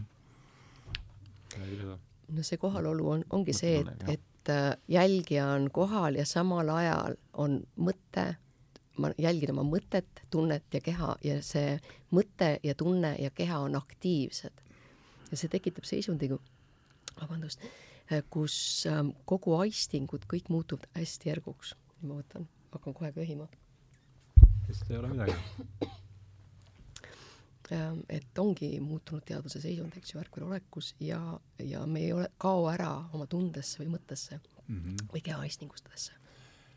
jah, see oleme jõudnudki siin poolteist tundi juba märkamatult selja taha, et, et, et pool tunnikest veel jäänud istuda, et no kui on üks mõte, mis on siin viimastes kuudel järjest edasi erinevates, kõige erinevates kontekstides kas-, üles kerkinud, siis on see see, et ikkagi sama, see mõte, mis selle vestluse piires on nüüd väljendanud selles, et et me peame püüdlema siis äh, keha, mõtte ja, ja, ja, ja tunde kooskõla, kooskõla poole, et noh, teistes jutuajamistes ja kontekstides on Goethe on öelnud, et me peaks vähem rääkima, rohkem joonistama. Et äh, ja, ja Ivar Trööner tõi siin, polnud kuulnud varem äh, Pestalozzi äh,, kes püüdis siis silmakäe ja, silmakäe ja hinge sellist äh, kooskõla, koostegevus, et see tundub olevat noh, kui, kui mingi asi kerkib esile nii erinevates kontekstis, järelikult on ta oluline, et, et nüüd ma saan aru, et need liikumised siis on äh, millest me alustasime jutuajamist, et need peaks olema siis justkui, justkui mingi võimalus siis selle poole jõuda, selle, selle eesmärgi poole, kus meil kuidas me siis parajasti ei nimeta, hing, käsi ja silm või hing, hingtunne ja, või siis mis nad siin on, et äh, see jah, no, lähme edasi. mina, kui ma enda arengut nagu meenutan, siis kui ma Tartu Ülikoolis psühholoogiat õppisin ja seal õppejõud rääkis, et inimese areng on nii-öelda, nii-öelda psüühiline areng on see, kui ta näiteks voolib või midagi või hakkab saviga teeb midagi, siis ma mõtlesin, mis jura ta seal ajab, eks ja. ole, et mõtlemine on ju areng, eks ole, et see, sa nagu käega midagi tegeled, seal mingit asja, see on ja kogu teie... ülikooli areng on või kogu ülikooli haridus on meil sellesama asja peal. jah, et see on nagu mõttetu, aga praegusel hetkel noh, millega ma nagu ise tegelen, ma kasutan igat võimalust mingisuguseks joonistamise kursusteks, tahan minna savikursusele, kui on nii-öelda kehaga, tegelen võib-olla treeharjutustega, eh, liikumiskeskusega, tähendab, et ma näen, et see on minu kõige nõrgem funktsioon ja sellega tuleb ja. nagu tegeleda. ja, ja, ja see on niivõrd oluline. sinnasamasse jõudma oma, oma mõtlemisega, jah mm. -hmm. Tuues nüüd pisiminad jälle mängu, et mis see siis selles äh,, seda metafoori kasutades tähendab, on see, et need erinevates keskustes eh, elutsevad pisiminad, need kõrgemad on aktiveeritud. Ehk siis äh, kui ma teadlikult kasutan oma keha, voolin midagi, joonistan midagi, siis ma hoian oma tähelepanu enda tahtega. Ja ma ei reageeri äh, masinlikult. just, just jah, see on seesama jälle kohalolu, eks ole, minu mõttes jah. ja, ja siis, kui tuua tunne sinna liikumisse, no ma, kui ma näiteks võtan selle savi voolimise, olen mõttega kohal ja tundega kohal, siis see võib olla sama äh, meditatiivne või kasumlik kui see tantsimine, eks ju, aga aga liigutused on, on selles mõttes, nad on spetsiaalsed, nad tekitavad kiiremini. ja kui me teeme neid koos, muusika ja rütm, siis seal tekib ikkagi noh, kambast tehes on, on see ikkagi ja, lihtsam, et seal on omaette, omaette nagu väärtus mm. -hmm. grupi energiad on alati võimsad, sest minu esimesed võimsamad kogemused olid ka koolitustelt mm, -hmm. kus siis hoiti meid magamatuses ja nii edasi. et grupis tekib mingisugune täiendav energia. ja muidugi jah, see on alati jah. muutus algab peale õigest seltskonnast, nagu ütleb äh, Justin Smith ühes meie klipis väga ilusti aga ma ei tea, sellest Gurdžievist endast me rääkisime eelmises saates äh, pikalt, aga, aga, aga ja võib-olla kanguta- või sikutaks seda niidi otsa ka natukene, et mis me et noh, temast kui inimesest me ei ole väga palju rääkinud, palju te sellest teate või no., või üldse nii palju, kui see selle, selle nüüd vestluse juures tuleks, oleks no, hea? see on nüüd otseselt ka nii-öelda intellektuaalse keskusega töö, aga ma toon siia natukene emotsionaalset keskust nagu juurde mm -hmm. oma sellise mõne mõttega. et ta sündis, sünniaasta on nagu teadmata ja, ja, ja tema ma... eesmärk oli leida neid nii-öelda salakoole, mis on olnud, kus on tuhandeid aastaid edasi antud õpetusi, seda ta kirjeldab ka selles filmis Meeting with a Remarkable Man ja ta jõudis sinna nii et, et ise ta väidab, et eh, kõik tema teadmised on üle kümne tuhande aasta vana, vanad mm. -hmm. Need on nagu edasi antud suuliselt, kaasa arvatud see rändas äh, üsna usinalt seal ja. Pärsias ja seal, seal kandis, eks ole. ja kaasa arvatud tantsud, kus iga liigutus, mis on väga kummaline, tegelikult on keel, millega antakse meile edasi kõrgemaid tõdesid, millest mina praegusel hetkel, ma isegi ei tunne neid tähti veel, rääkimata arusaamisest. aga eh, kui ma temast nagu räägin ja, ja tema natuke elulugu olen lugenud, siis üks asi, mis ma lihtsalt tooksin välja, mis on tema elu väga-väga palju mõjutanud, oli see, kui ta oli oma vanaema surivoodil. Ja vanaema kõige viimane lause enne surma oli talle see, et eh, tee kõiki asju teistmoodi kui tavainimesed. ja see on teda eluaeg nagu kaasanud ja siis ta on nagu vaadanud teisi, mis on andnud talle võimaluse ilmselt distantseeruda. ja noh, muidugi, mis ta elus toimus, ta oli seal palju kordi surma saanud, noh, noorena ta kuskil oli seal miiniväljal, sõbraga läksid sinna ja kuidas siis neli tundi lendasid miinid üle tema ja oleks mõni pihta läinud ja siis ta oli saanud, kaks korda on saanud vist püstolist haavata ja siis tal oli autoavarii, kust inimesed ellu ei jää, aga kuna ta oli oma kehaga teinud niivõrd palju harjutusi, nii et tal oli keha erakordselt tugev, nii et ta ka tuli sealt nagu välja. et äh, ei ole see sellistel inimestel, keda me takkajärgi imetleme, ega nende elud ei ole sugugi nii-öelda kerged, et kui me loeme nagu Rumi luuletusi, siis me mõtleme, et ta oli kogu aeg mingisuguses kosmilises seisundis. Aga tegelikult oli ta väga suurtes kannatustes ja nagu noh, Rumi kohal mul on see viimane mõte väljaspoolt, mis mulle väga meeldis, oli see, et Rumi luuletused ei ole mitte sellest, kuidas sinu boyfriendiga on suhe halvaks läinud ja kuidas tahaks ühendust, vaid seal on ikka nii-öelda Rumi ja Jumala vaheline suhe tegelikkuses. Mm aga ka elu oli ikkagi keeruline ja on, läbitakse sa väga oled lugenud Rumi, Rumit viimasel ajal?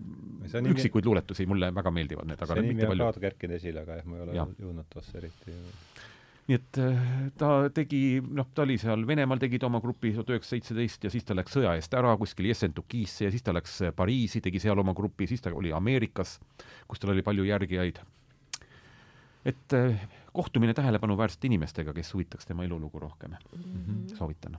Eesti keeles ilmunud imelise otsingul, kes sel-, sellest on alustanud, siis Uspenski oli Gurdžijevi õpilane ja, ja no mingil teisel, ütleme viimasel kolmandikul saab selgeks, et tegelikult Uspenskil hakkasid tekkima ka kahtlused ja nagu ütleme, isiksuse pinnalt või õpetuse nagu, mitte õpetuse enda, vaid kuidagi see edasiandmise pinnalt tekkisid ka nagu lahklemised, et et Gurdžijev oli väga vastuoluline ja on oli inimesi, kellele ei sobinud mitte natukestki tema meetodid, need võisid olla, paista välja nagu julmad kohati, ebainimlikud, et selles mõttes mm, Äh, on nagu palju, palju selliseid emotsioone isegi selle õpetuse ümber, aga õpetuse enda kohta ei ole küll nagu väga kellelgi midagi öelda. et Gurdžijev võis olla erinevatel hetkedel, isegi kui lugeda tema enda raamatuid, siis äh, raamatu sees saad aru, et vot siin ta natukene lappab, eks ju, läheb emotsiooni sisse, mingil hetkel ta on hästi kõrge, annab hästi puhtalt edasi. et inimene nagu iga, iga teinegi no minu arust jah, Uspensky nagu ütles, et ta eristas ära õpetuse Gurdžijevi isiksusest. no mõned siuksed vabandust, ma köhisin, ei kuulnud. et ta eristas õpetuse Gurdžijevi isiksusest. aa, Uspensky ütles nii? jaa, Uspensky ütles niimoodi.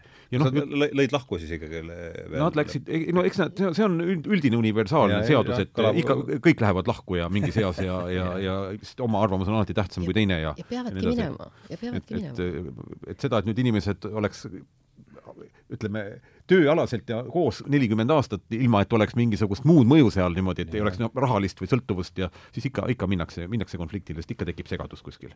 ja kui suuremat pilti vaadata, siis nii oligi hästi, sellepärast et, et siis nad äh, jagasid seda õpetust erinevates maailma mm -hmm. osades, eks ju, et ja nad jäid omavahel väga sõbralikult ikkagi suhtlema ah,, ja, ja aga, aga, aga Uspenskil oli oma nägemus ja, ja tema kandis seda ja selle noh, süsteemi sees on ka see idee, et igaüks peab leidma selle koha, millega suhestud ja seda siis kandma ja edasi arendama, eks ju, et mm -hmm. et jah, aga Gurdžijev äh,, üks mõte, mis, mis äh,, mis mind kõnetas hästi, oli see, et, et äh, ta võis jätta väga erineva mulje, et ta äh, briljantselt valdas oma loomaaeda või ütleme, et, et võttis puurist välja selle eluka, keda parasjagu tahtis siis kasutada, et ta, teda, ta võis jätta mulje, nagu ta on ähm, esmaklassiline vaibakaupmees, ta võis jätta sellise müstiku mulje, jättis sellise noh, kasutas sellist äh,, seda, mida, mida parasjagu ise otsustas, ehk siis ta oli ilmselgelt rohkem ähm, nagu terviklik kui, kui, äh, kui mina täna, järelikult on, mida õppida mm.. mis, mis aastal ta suri? nelikümmend üheksa. midagi sinna kanti. ma pakuks, saab siin. ja Uspenski tõenäoliselt oli tast noorem, jah? oli küll vist, jah. jah, Uspenski oli noorem. aga ei, ära küsi, mis aastatel. ja Uspenskist on meil äh, õige mitu raamatut on, eks ole, eesti keeles äh, Uspenskist on meil seesama inimese võimaliku arengupsühholoogia siis on see Imelise otsingul, mis on tõepoolest see on sinu sarja, sinu sarja raamat? jaa, no see on see, et kui tavainimene saab mingeid vaimseid kogemusi, siis ta hakkab seal kirjutama, et olge siin ja praegu ja, ja, ja tunnetage ennast ja küsige endalt. Imelise otsingu ma viskan selle aga kui kirjanik, ta oli juba eelnevalt kirjanik, siis kirjaniku sõnastused on juba selline, et mhm. sa nagu naudid seda lugemist mm. -hmm. ja siis on veel neljas tee, aga ma seda neljandat teed ei, ei soovita, sest see on küsimused ja vastused, see on lihtsalt võib-olla hiljem täienduseks. ka Uspenski, jah mm. -hmm ütleme, et kes tahab äh, nagu kiire, kiiresti saada ülevaate, siis see inimese võimaliku arengupsühholoogia jah, see tundub jah, jah, jah, jah.. et sealt aga, saab nagu aga selle kohta ma ütlen, nagu mul üks sõber ütles nii, et ta juba ootab õhtul koju minekut, millal saaks seda raamatut lugeda, et nagu vana hea sõbraga saaks kokku. sest iga peatükk on noh, ta ka täielikult nagu puudutab, et sa sa loed nagu kirjandusteost, ta on ikkagi ülihästi kirjutatud. samas vahepeal läheb nii, nii keeruliseks, et mm. õnn, kuigi Alar poleks enne hoiatanud, et ah, jätke need leheküljed vahele, et ne, sellest ei saanud tema ka aru, siis ma arvan, et oleks poole, pooleli jäänud. jaa, kuskil ütlen kuulajatele sajanda lehekülje juures üheksakümmend, kui hakatakse rääkima mingitest vesinikest ja loomiskiirtest ja mingi kolmsada kaheksakümmend kuus ja seitsesada kaheksakümmend kaks, tähendab, hiljem hakkad natukene aimu saama, aga ärge palun lugege neid no võib lugeda, aga, aga ei jät-, ei tasu meeleheitel äh, sattuda, et, et selle, sellel on kõik hästi suur loogika ja ja kokku puutuda süsteemiga, kus sa näed, et sul on kõvasti arenguruumi, et seda kõike mõista mm, -hmm. on, on väga kehvt. no ma vaatasin kohe, esimene hakkab ju sellest pihta, kuidas ta pöördub tagasi seda juttu ma olen ka kuulnud erinevatest, erinevatest kohtadest ja see on järelikult teema, mis on praegu õhus, et tuleb tagasi Indiast ja need äh, kuidagi see tähelepanu hakkab ja, ja India idamaad ei kaotanud minu jaoks kõige imelisemate maade võlu, vastupidi, see võlu omandas uued varjundid, mis olid varem seal puudunud. ma nägin selgesti, et sealt võib leida üles midagi, mis Euroopas on ammu kadunud. no see on ilmselt see, millest me räägime siin, eks. Ning arvasin, et minu poolt, minu poolt võetud suund on õige. Samal ajal jõudsin aga arusaamisele, et saladus on paremini ja sügavamalt peidus, kui seni olin eeldanud, et äh, no paarkümmend minutit on veel jäänud, et mis on siis see, mis, mis on teie arvates see, mis on Euroopast äh, ja noh, kogu läänemaailmast ammu kadunud ja mis on see, mille me peame üles leidma, kui me tahame siin ellu jääda mingil viisil see on see imeline ja ma lisaks sellele lõigule, kas see on kohe seal järel või natuke hiljem, on siis see, et see, mida ta käis idamaades otsimas, siis ta sai aru järsku, kui ta vestles Kultšijeviga, et selle ta leidis ühes Moskva kohvikus et seal on võimalikud vastused, ta sai aru, et on võimalik saada. Eh, mis see siis on, eks seesama ongi see, millest me nagu mis on see, mille, mille, mida, mida me oleme saanud nagu välgatusi, et see on selline terviklikkuse, täiuslikkuse, puhtuse, selguse tunne, mida me kogeme lapsepõlves, millest me saame välgatusi psühhedeelikumi tarvitades, mis võib vahel olla meil une-ärkveloleku vahepeal, kus me pääseme välja sellest mõtete mustrist. ma sõnastaks nii seda, et see on mingisugune väga eriline koht, kus me olemegi mina ise ja samal ajal midagi enamat no see mina ise midagi enamat, see on justkui müstiline, müstiline seisund, eks. jah, me oleme mina ise ja samas me oleme ühenduses millegi endast kõrgemaga, me oleme osa sellest ja samal oleme ka ikkagi ise, et see on noh, nii nagu enamasti öeldakse, see on sõnadega väljendamatu. et seda on võimalik ainult kogeda ja kui sa seda nagu koged, siis sa ei saa oma kogemust eitada. ja siis sa tahad seda äh, teada, kuidas sinna jõuda ja olla püsivalt seal ja siis sa saad aru, et on inimesi, kes seal võib-olla on olnud kogu aeg pidevalt, on see siis Buda või üks keegi, ja, ja siis võtad aluseks võib-olla uskumuse, et eh, meie inimesed tahavad ühe eluga sinna jõuda, aga idamaades on võib-olla selleks seitsesada elu ja, ja, ja siis on see nii. et siis hakkad igasuguseid mõtteid ja uskumusi sinna juurde panema mm. -hmm. mis meil puudub täna? me oleks justkui unustanud, kes me oleme, miks me siin oleme mm. -hmm. ja, ja ja teadmine, milliseks me võime saada, mis on meie potentsiaal ja kus me parasjagu oma evolutsiooni siis äh, arengul oleme ja et, et see on see, mida noh, oleks tore, kui meile nagu meelde tuleks, eks mm. -hmm. Um palju tema, palju te temast, tema nendest ida, idamaa, veel kord, ma siia tulles ma kuulasin üle selle eelmise saate, et ta rändas äh, paarkümmend aastat kusagil seal idamaa, et äh, Pärsias ja Indias ja kus, ega ta keegi teeb täpselt ka ei tea, kus ta seal ringi no kui ta seal oma õpetusi andis, käis ta ka aeg-ajalt kolm või neli kuud kuskil ära. siis juba hiljem, jah? jah, hiljem jah, et kus ta siis sai ilmselt midagi nagu juurde mm. -hmm. aga ta on sellest oma raamatus kirjeldanud ja filmis ka ja ma ei oska jah, ütleme sellele praegu täpselt vastata, mida, mida ta seal aga noh, selgelt see India ja idamaade see seos on, on, on vormiva tähtsusega, mulle tundub. ma saan aru niimoodi, et ta leidis, mis ta otsis ja lisaks üks asi, mis ta siis lääne ühiskonda tõi, on siis enneagramm. ah, jah, sellest oli ka juttu, jah. et enneagramm on siis selline nagu noh, kujund, millel on, millel on ka oma tähendus, sest ütleme, sümbol ja nii edasi, ja seda on siis hästi palju nii-öelda isiksuse teoorias ja mujal rakendatud, aga see on ka nüüd omaette teema, et et aga esimene, kes siis tema tõi, on siis Gurdjiev. ja noh, seal on ka matemaatilised seosed et kui te tahate midagi teha, siis võtke niisugune asi nagu jagage üks seitsmega, kaks seitsmega, kolm seitsmega, neli seitsmega, viis seitsmega, kuus seitsmega, kirjutage vastused üles ja vaadake seal olevaid numbrijadasid. see on sama numbrijada, mis on enneagrammis, seal hakkab korduma üks, neli, kaks, kaheksa, viis, seitse. ja see läheb välja ka, noh, nüüd läheb natukene segaseks, see läheb välja ka nii-öelda universumi äh, keskmeni ehk nii-öelda algolemuseni, et kas kõik, nagu William James ütles, kas kõik on üks või kõik on palju, et mingis tasandis on kõik, kogu universum üks, ta läheb selleni välja, et kuidas see siis jagunema on hakanud ja nii edasi. et aga ma sellest nagu hetkel edasi ei läheks.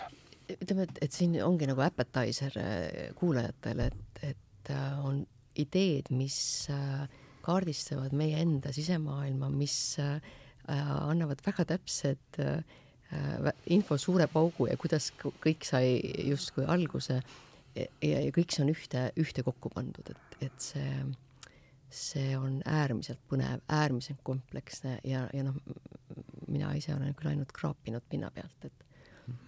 Ja mina olen äh, huvitatud äh, kaassõitjatest, ma isegi tegin ühe mingi Facebooki grupi, aga see ei ole nüüd kindlasti nii, et ma siin midagi juhin ja teen midagi, et ma pigem tahaks äh, arutleda ja, ja koos liikuda, nii et kes on huvitatud, siis lööge sisse neljas tee neljas tee, neljas tee ja, ja Facebooki grupp, et paari nädala tagant ma olen sinna midagi postitanud.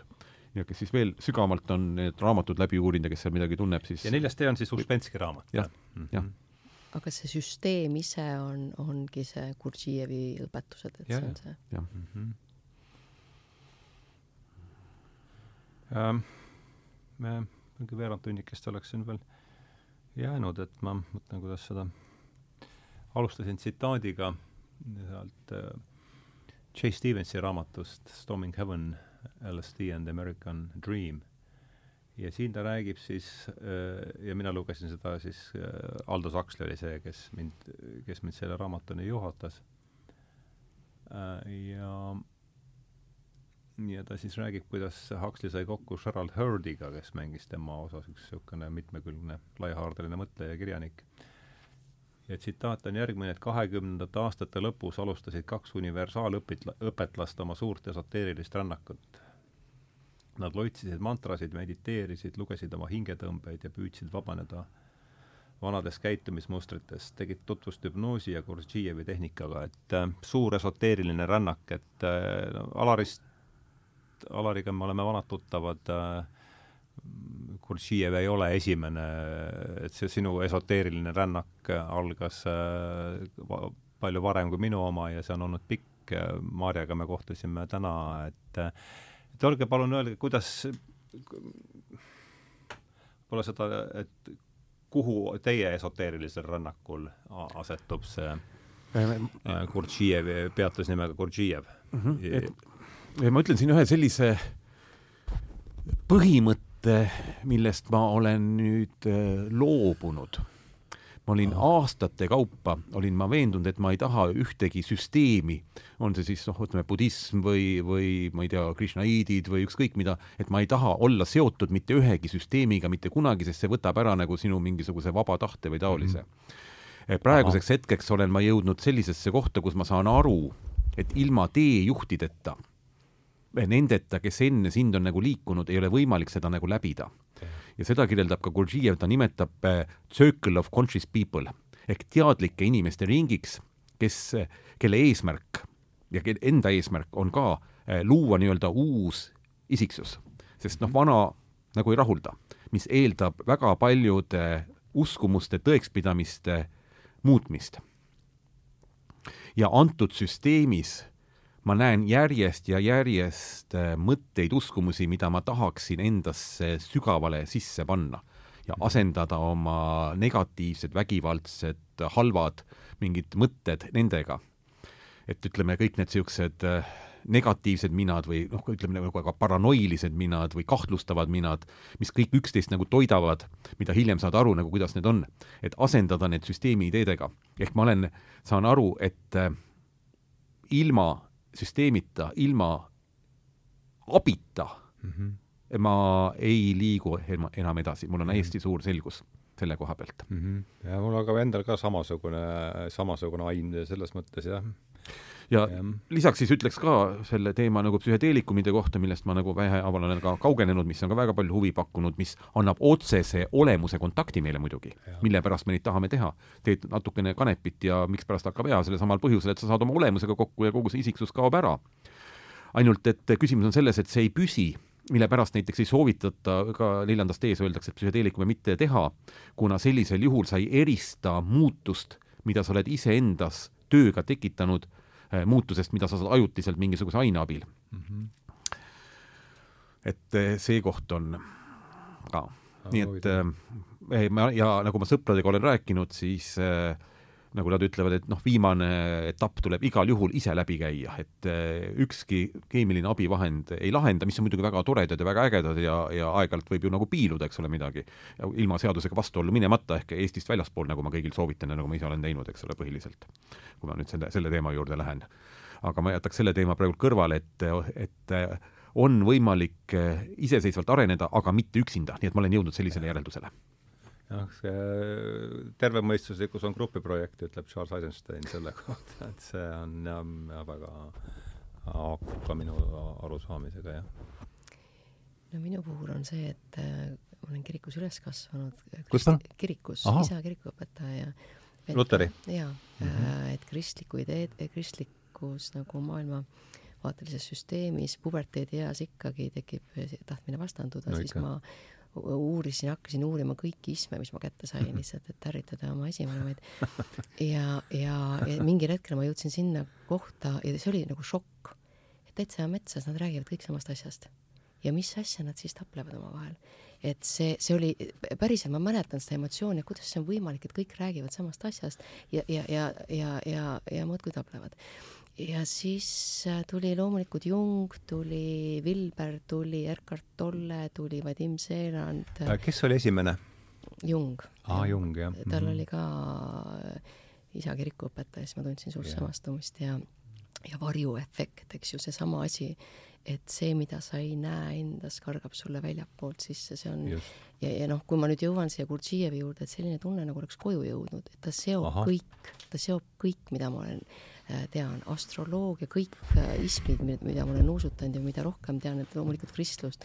ja mis on nagu kõige võluvam asja juures, on see, et äh, et neljanda tee õpetus nagu tõlgib minule kristlust. et seesama, et ma tegelikult päriselt ei saanud aru ja, ja, ja, ja noh, Maurice Nicol on, kui teda lugeda, saad aru, et ta on tegelikult sügavalt kristlane, ta väga palju tsiteerib ka piiblit ja siis vaatad, et ahaa äh,, Äh, on küll mõte sees, seesama linna äh, paralleel, et, et kuskil, kuskil seal oli ka mm, -hmm. äh, sul on näpp püsti. jah, et, et kuskil Uues äh, Testamendis, jumal, et ma ei mäleta, kus kohas äh,, Kristus ütles, et äh,, et oli mingi tähendamissõna mehest, kes äh,, kes varastati tühjaks, eks ju, teel. ja, ja no mida see tähendab, et äh, iseenda sees olev äh, allisiksus, energialeke äh,, varastas su, äh, kui sind kohal ei olnud. seal öeldakse ärgake, eks mm -hmm. ju, et noh, kõik need sellised asjad, mis on mul sügavalt alateadvuses ja nüüd läksid elama, et selles mõttes on, on, on kihvt ähm, nagu oleks koju jõudnud tähendab, kuna ma oletan, et kuulajatel sõna kristlus kukub ka kindlasse mõtete võrku, mis on seotud igasuguste sõnadega, kus on kindlasti ka igasugused sõnad nagu patt ja mingid sellised asjad juures, siis siin on Gurdjijevil natukene väikene parandus selle koha pealt, kus ta ütleb, et meil jah, kristalliseeruvad mingisugused mõtted ja asjad, mis siis võivad takistada edasiarengut. Ja üks asi, mis ta ütleb, et mis takistab arengut, kui meil on jäigad usulised põhimõtted ja just ütleme, patu ja mingite selliste kontseptsioonidega, et need tuleb nagu ära lahustada. Mm. -hmm ja need ei pruugi, need ei pruugi olla teadlikud, vaid lihtsalt kuidagi selles ja, kultuuris nii et see kristlus on siin natukene laiemalt, tahtsin nagu juurde öelda. et ütleme, kristlikud põhimõtted, eh, näiteks võtame selle põhimõtte, et armastus iseenda ja maailma vastu viib piltlikult eh, põrgusse, armastus kaasinimeste ja Jumala ja kõrgema jõu vastu viib inimesi edasi. mis tähendab armastus kaasinimeste vastu, see ei tähenda, et sa ennast peaksid vihkama. et ka sa, sina tahad süüa ja juua, tähendab, sa armastad oma kaasinimest, aga sa armastad samamoodi ka ennast. või nii, nagu ütles Aristoteles, et teod, mis on tehtud teiste inimeste jaoks, on head teod. teod, mis on tehtud endale, on äh, halvad teod. ja seal me toidame oma egot ja toidame oma seda võltsisiksust, sellest on hästi palju nagu juttu.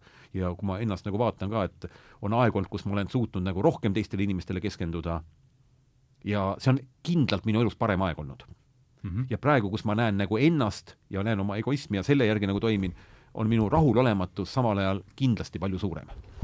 et kui ma nüüd nagu Kristuse juures sellise võrdluse nagu toon. no võttes kõik äh, õpetused kokku, et tee seda teistele, mis sa tahad, et ja. sulle tehakse. noh, ja see tähendab, et sa pead väga kohal olema, eks ju, et mis on hea mm, -hmm. mis tegelikult on hea, eks ju, kas, kas see on hea. et ähm, jah kohalolu on see, kuhu me lõpuks jõuame, ükskõik mis küsimuse sa küsid, et äh, lihtsalt. ehk enesemäletamine ja. antud süsteemi sõnastuses. jah, ja no ikkagi see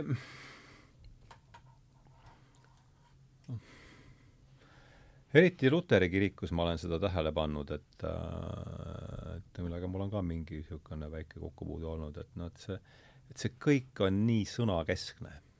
et ühel hetkel noh, võiks sama hästi, ma mõtlesin, võib noh, ma teen muidugi liiga ja karikeerin seda asja, et sama hästi ma võiks istuda ja vaadata Aktuaalset Kaamerat või, või rahvusvahelist panoraameid, et ikkagi see see kõik on see, millest me siin räägime, müstiline kogemus, see on ikkagi kogemus, milleni jõutakse kuidagi, noh, nende, kas on siis, on see Gurdžijevi liikumised või on see siis äh, äh psühhedeelikumid, tänu mille, noh, mis on, ma, ma näiteks kujutan ette, minu, minusugusel äh, ei olekski olnud teist võimalikku üldse kukkuda välja sellest või sellest, äh, see, see, see pragu üldse luua ilma selleta, sest äh, ja, ja ma arvan, et neid on siin miljoneid äh, sääraseid nagu, nagu et, et just see, jah, see, see ikkagi see käe, silma ja, ja, ja, ja, ja siis hinge kooskõla ja, ja, ja mingi niisugune isiklik kogemus, mis selleni tundub mulle olevat jällegi noh, need teemad, mis mul niikuinii sees keerlevad praegu ja millele ma siis noh, ega see teie jutt ju kukub ka mingisse valmis sõrestikku paraku, et ega ta otse olemuseni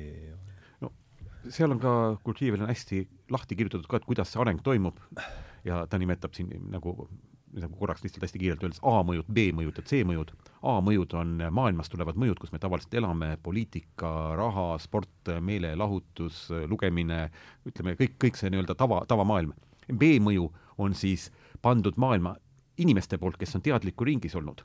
ehk see tuleb siis läbi kunsti, filosoofia, muusika, kus inimesel midagi nagu puudutab.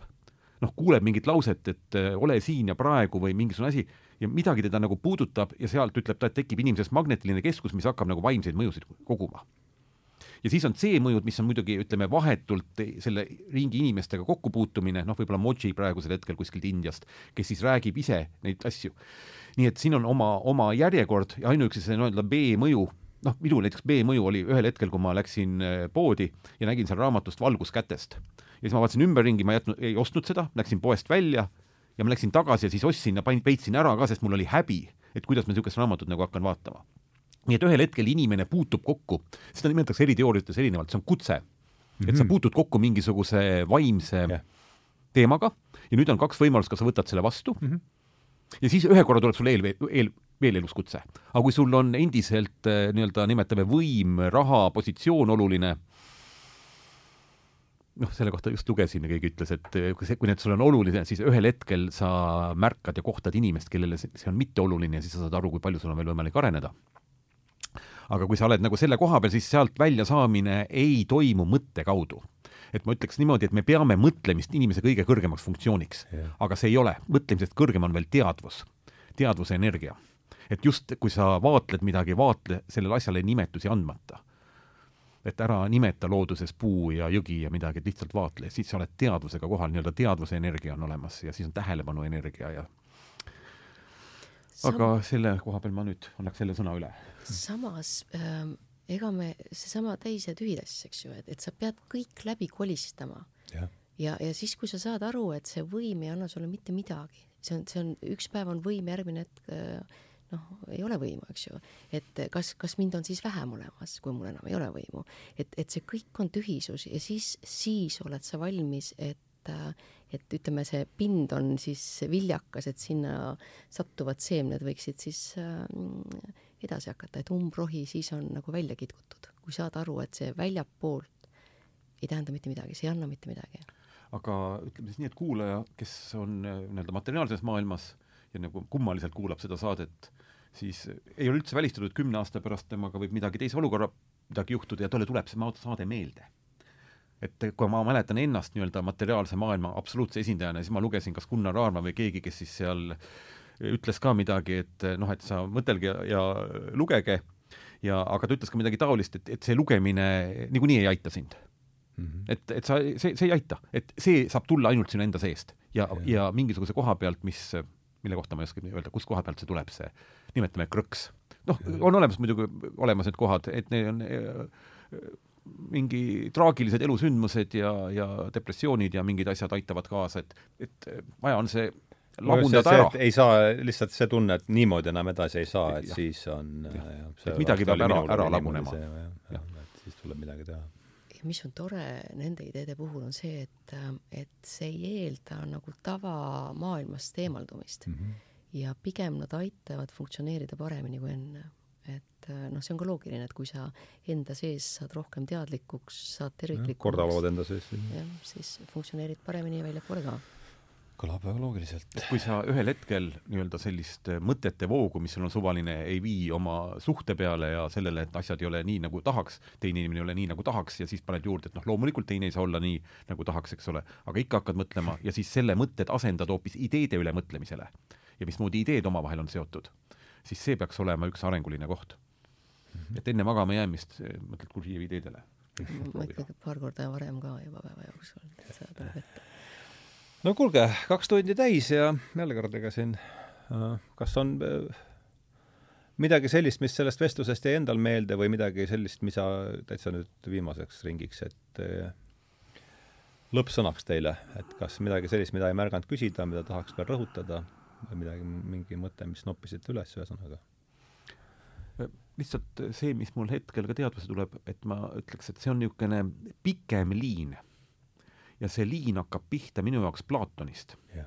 ja tema koopa metafoorist yeah., kes räägib sellest, et kas on mingisugune muu maailm või näeme varje, siia võib juurde isegi panna Descartesi, kes ütles, et meile antakse ette mingisugune teemon, annab meile ette pildid, mida me siin maailmas näeme mm, -hmm. siis on see India maalt, Indiast tuleb siis see maja, et me elame illusioonide maailmas mm -hmm., Gurdjievil tuleb siia juurde, et meil on võltsisiksus, mida me peame tõeliseks, ja nii-öelda vahepealsed lülid on siis Äh, minu jaoks seal kindlasti Schopenhauer, kelle ideed on ka läinud üle natukene Gurdjijevi teooriasse ja siis äh,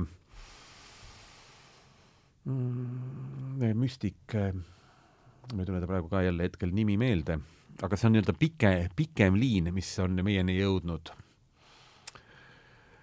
äh,. ka selle, kes see ütles, et noh, et see, et tagasi metslase juurde Rousseau. Rousseau, ka Rousseau on selle liini esindaja minu jaoks natukene mm. -hmm. et see on selline, selline liin, mis eh, ei ole peavoolus mm, -hmm. aga vastandub sellele ühepoolsele, ühe aju arendamisele ehk nii-öelda intellektuaalse, et kõik on nii-öelda mõttega lahendatavad asjad. ja paraku ütleks, et nagu, nagu ei ole ja selle üks esindaja siis peale Rousseau'd on kindlasti ka Swedenborg, keda eesti keelde pole tõlgitud. kas Swedenborg ei ole eesti keeles? ei ole eesti keelde tõlgitud, aga kui kasutada tehisintellekti tõlkeprogrammi, ja panna mõni PDF-i raamat sinna, siis see on täpselt sama hästi loetav mm. -hmm. Marja, oma küsimus? no ma siin kuulasin nüüd ja kuulasin Alarit ja mõtlesin, et mida inimene, kes pole üldse kokku puutunud neljanda tee õpetusega, et et siin on nii palju uusi termineid, mis nagu, mis võib ikkagi nagu, ma ei tea, kui ei ole eelnevalt millegagi siduda, et noh, kuidas tundub. ja, ja vahepeal tundus, et võib-olla on päris selline, et et väga raske tundub, eks ju, et, et liiga palju uut ja, ja siis peab vana veel kõik nagu maha ka jätma veel. aga, aga ma arvan, et, et ma tahaks tsiteerida Alarit, et kui vähegi on see tunne, et võiks veel midagi, et üksi enam ei saa, siis, siis see väärib nuusutamist, sest see seob kõik, kõik, kõik eelnevad, kõik suuremad traditsioonid ja, ja rohkemgi veel mm. -hmm. et ja mitte ainult mõtlemise tasandile, vaid seda, hakkad neid ideid siis praktiseerima, et mm. kohe nagu praktika.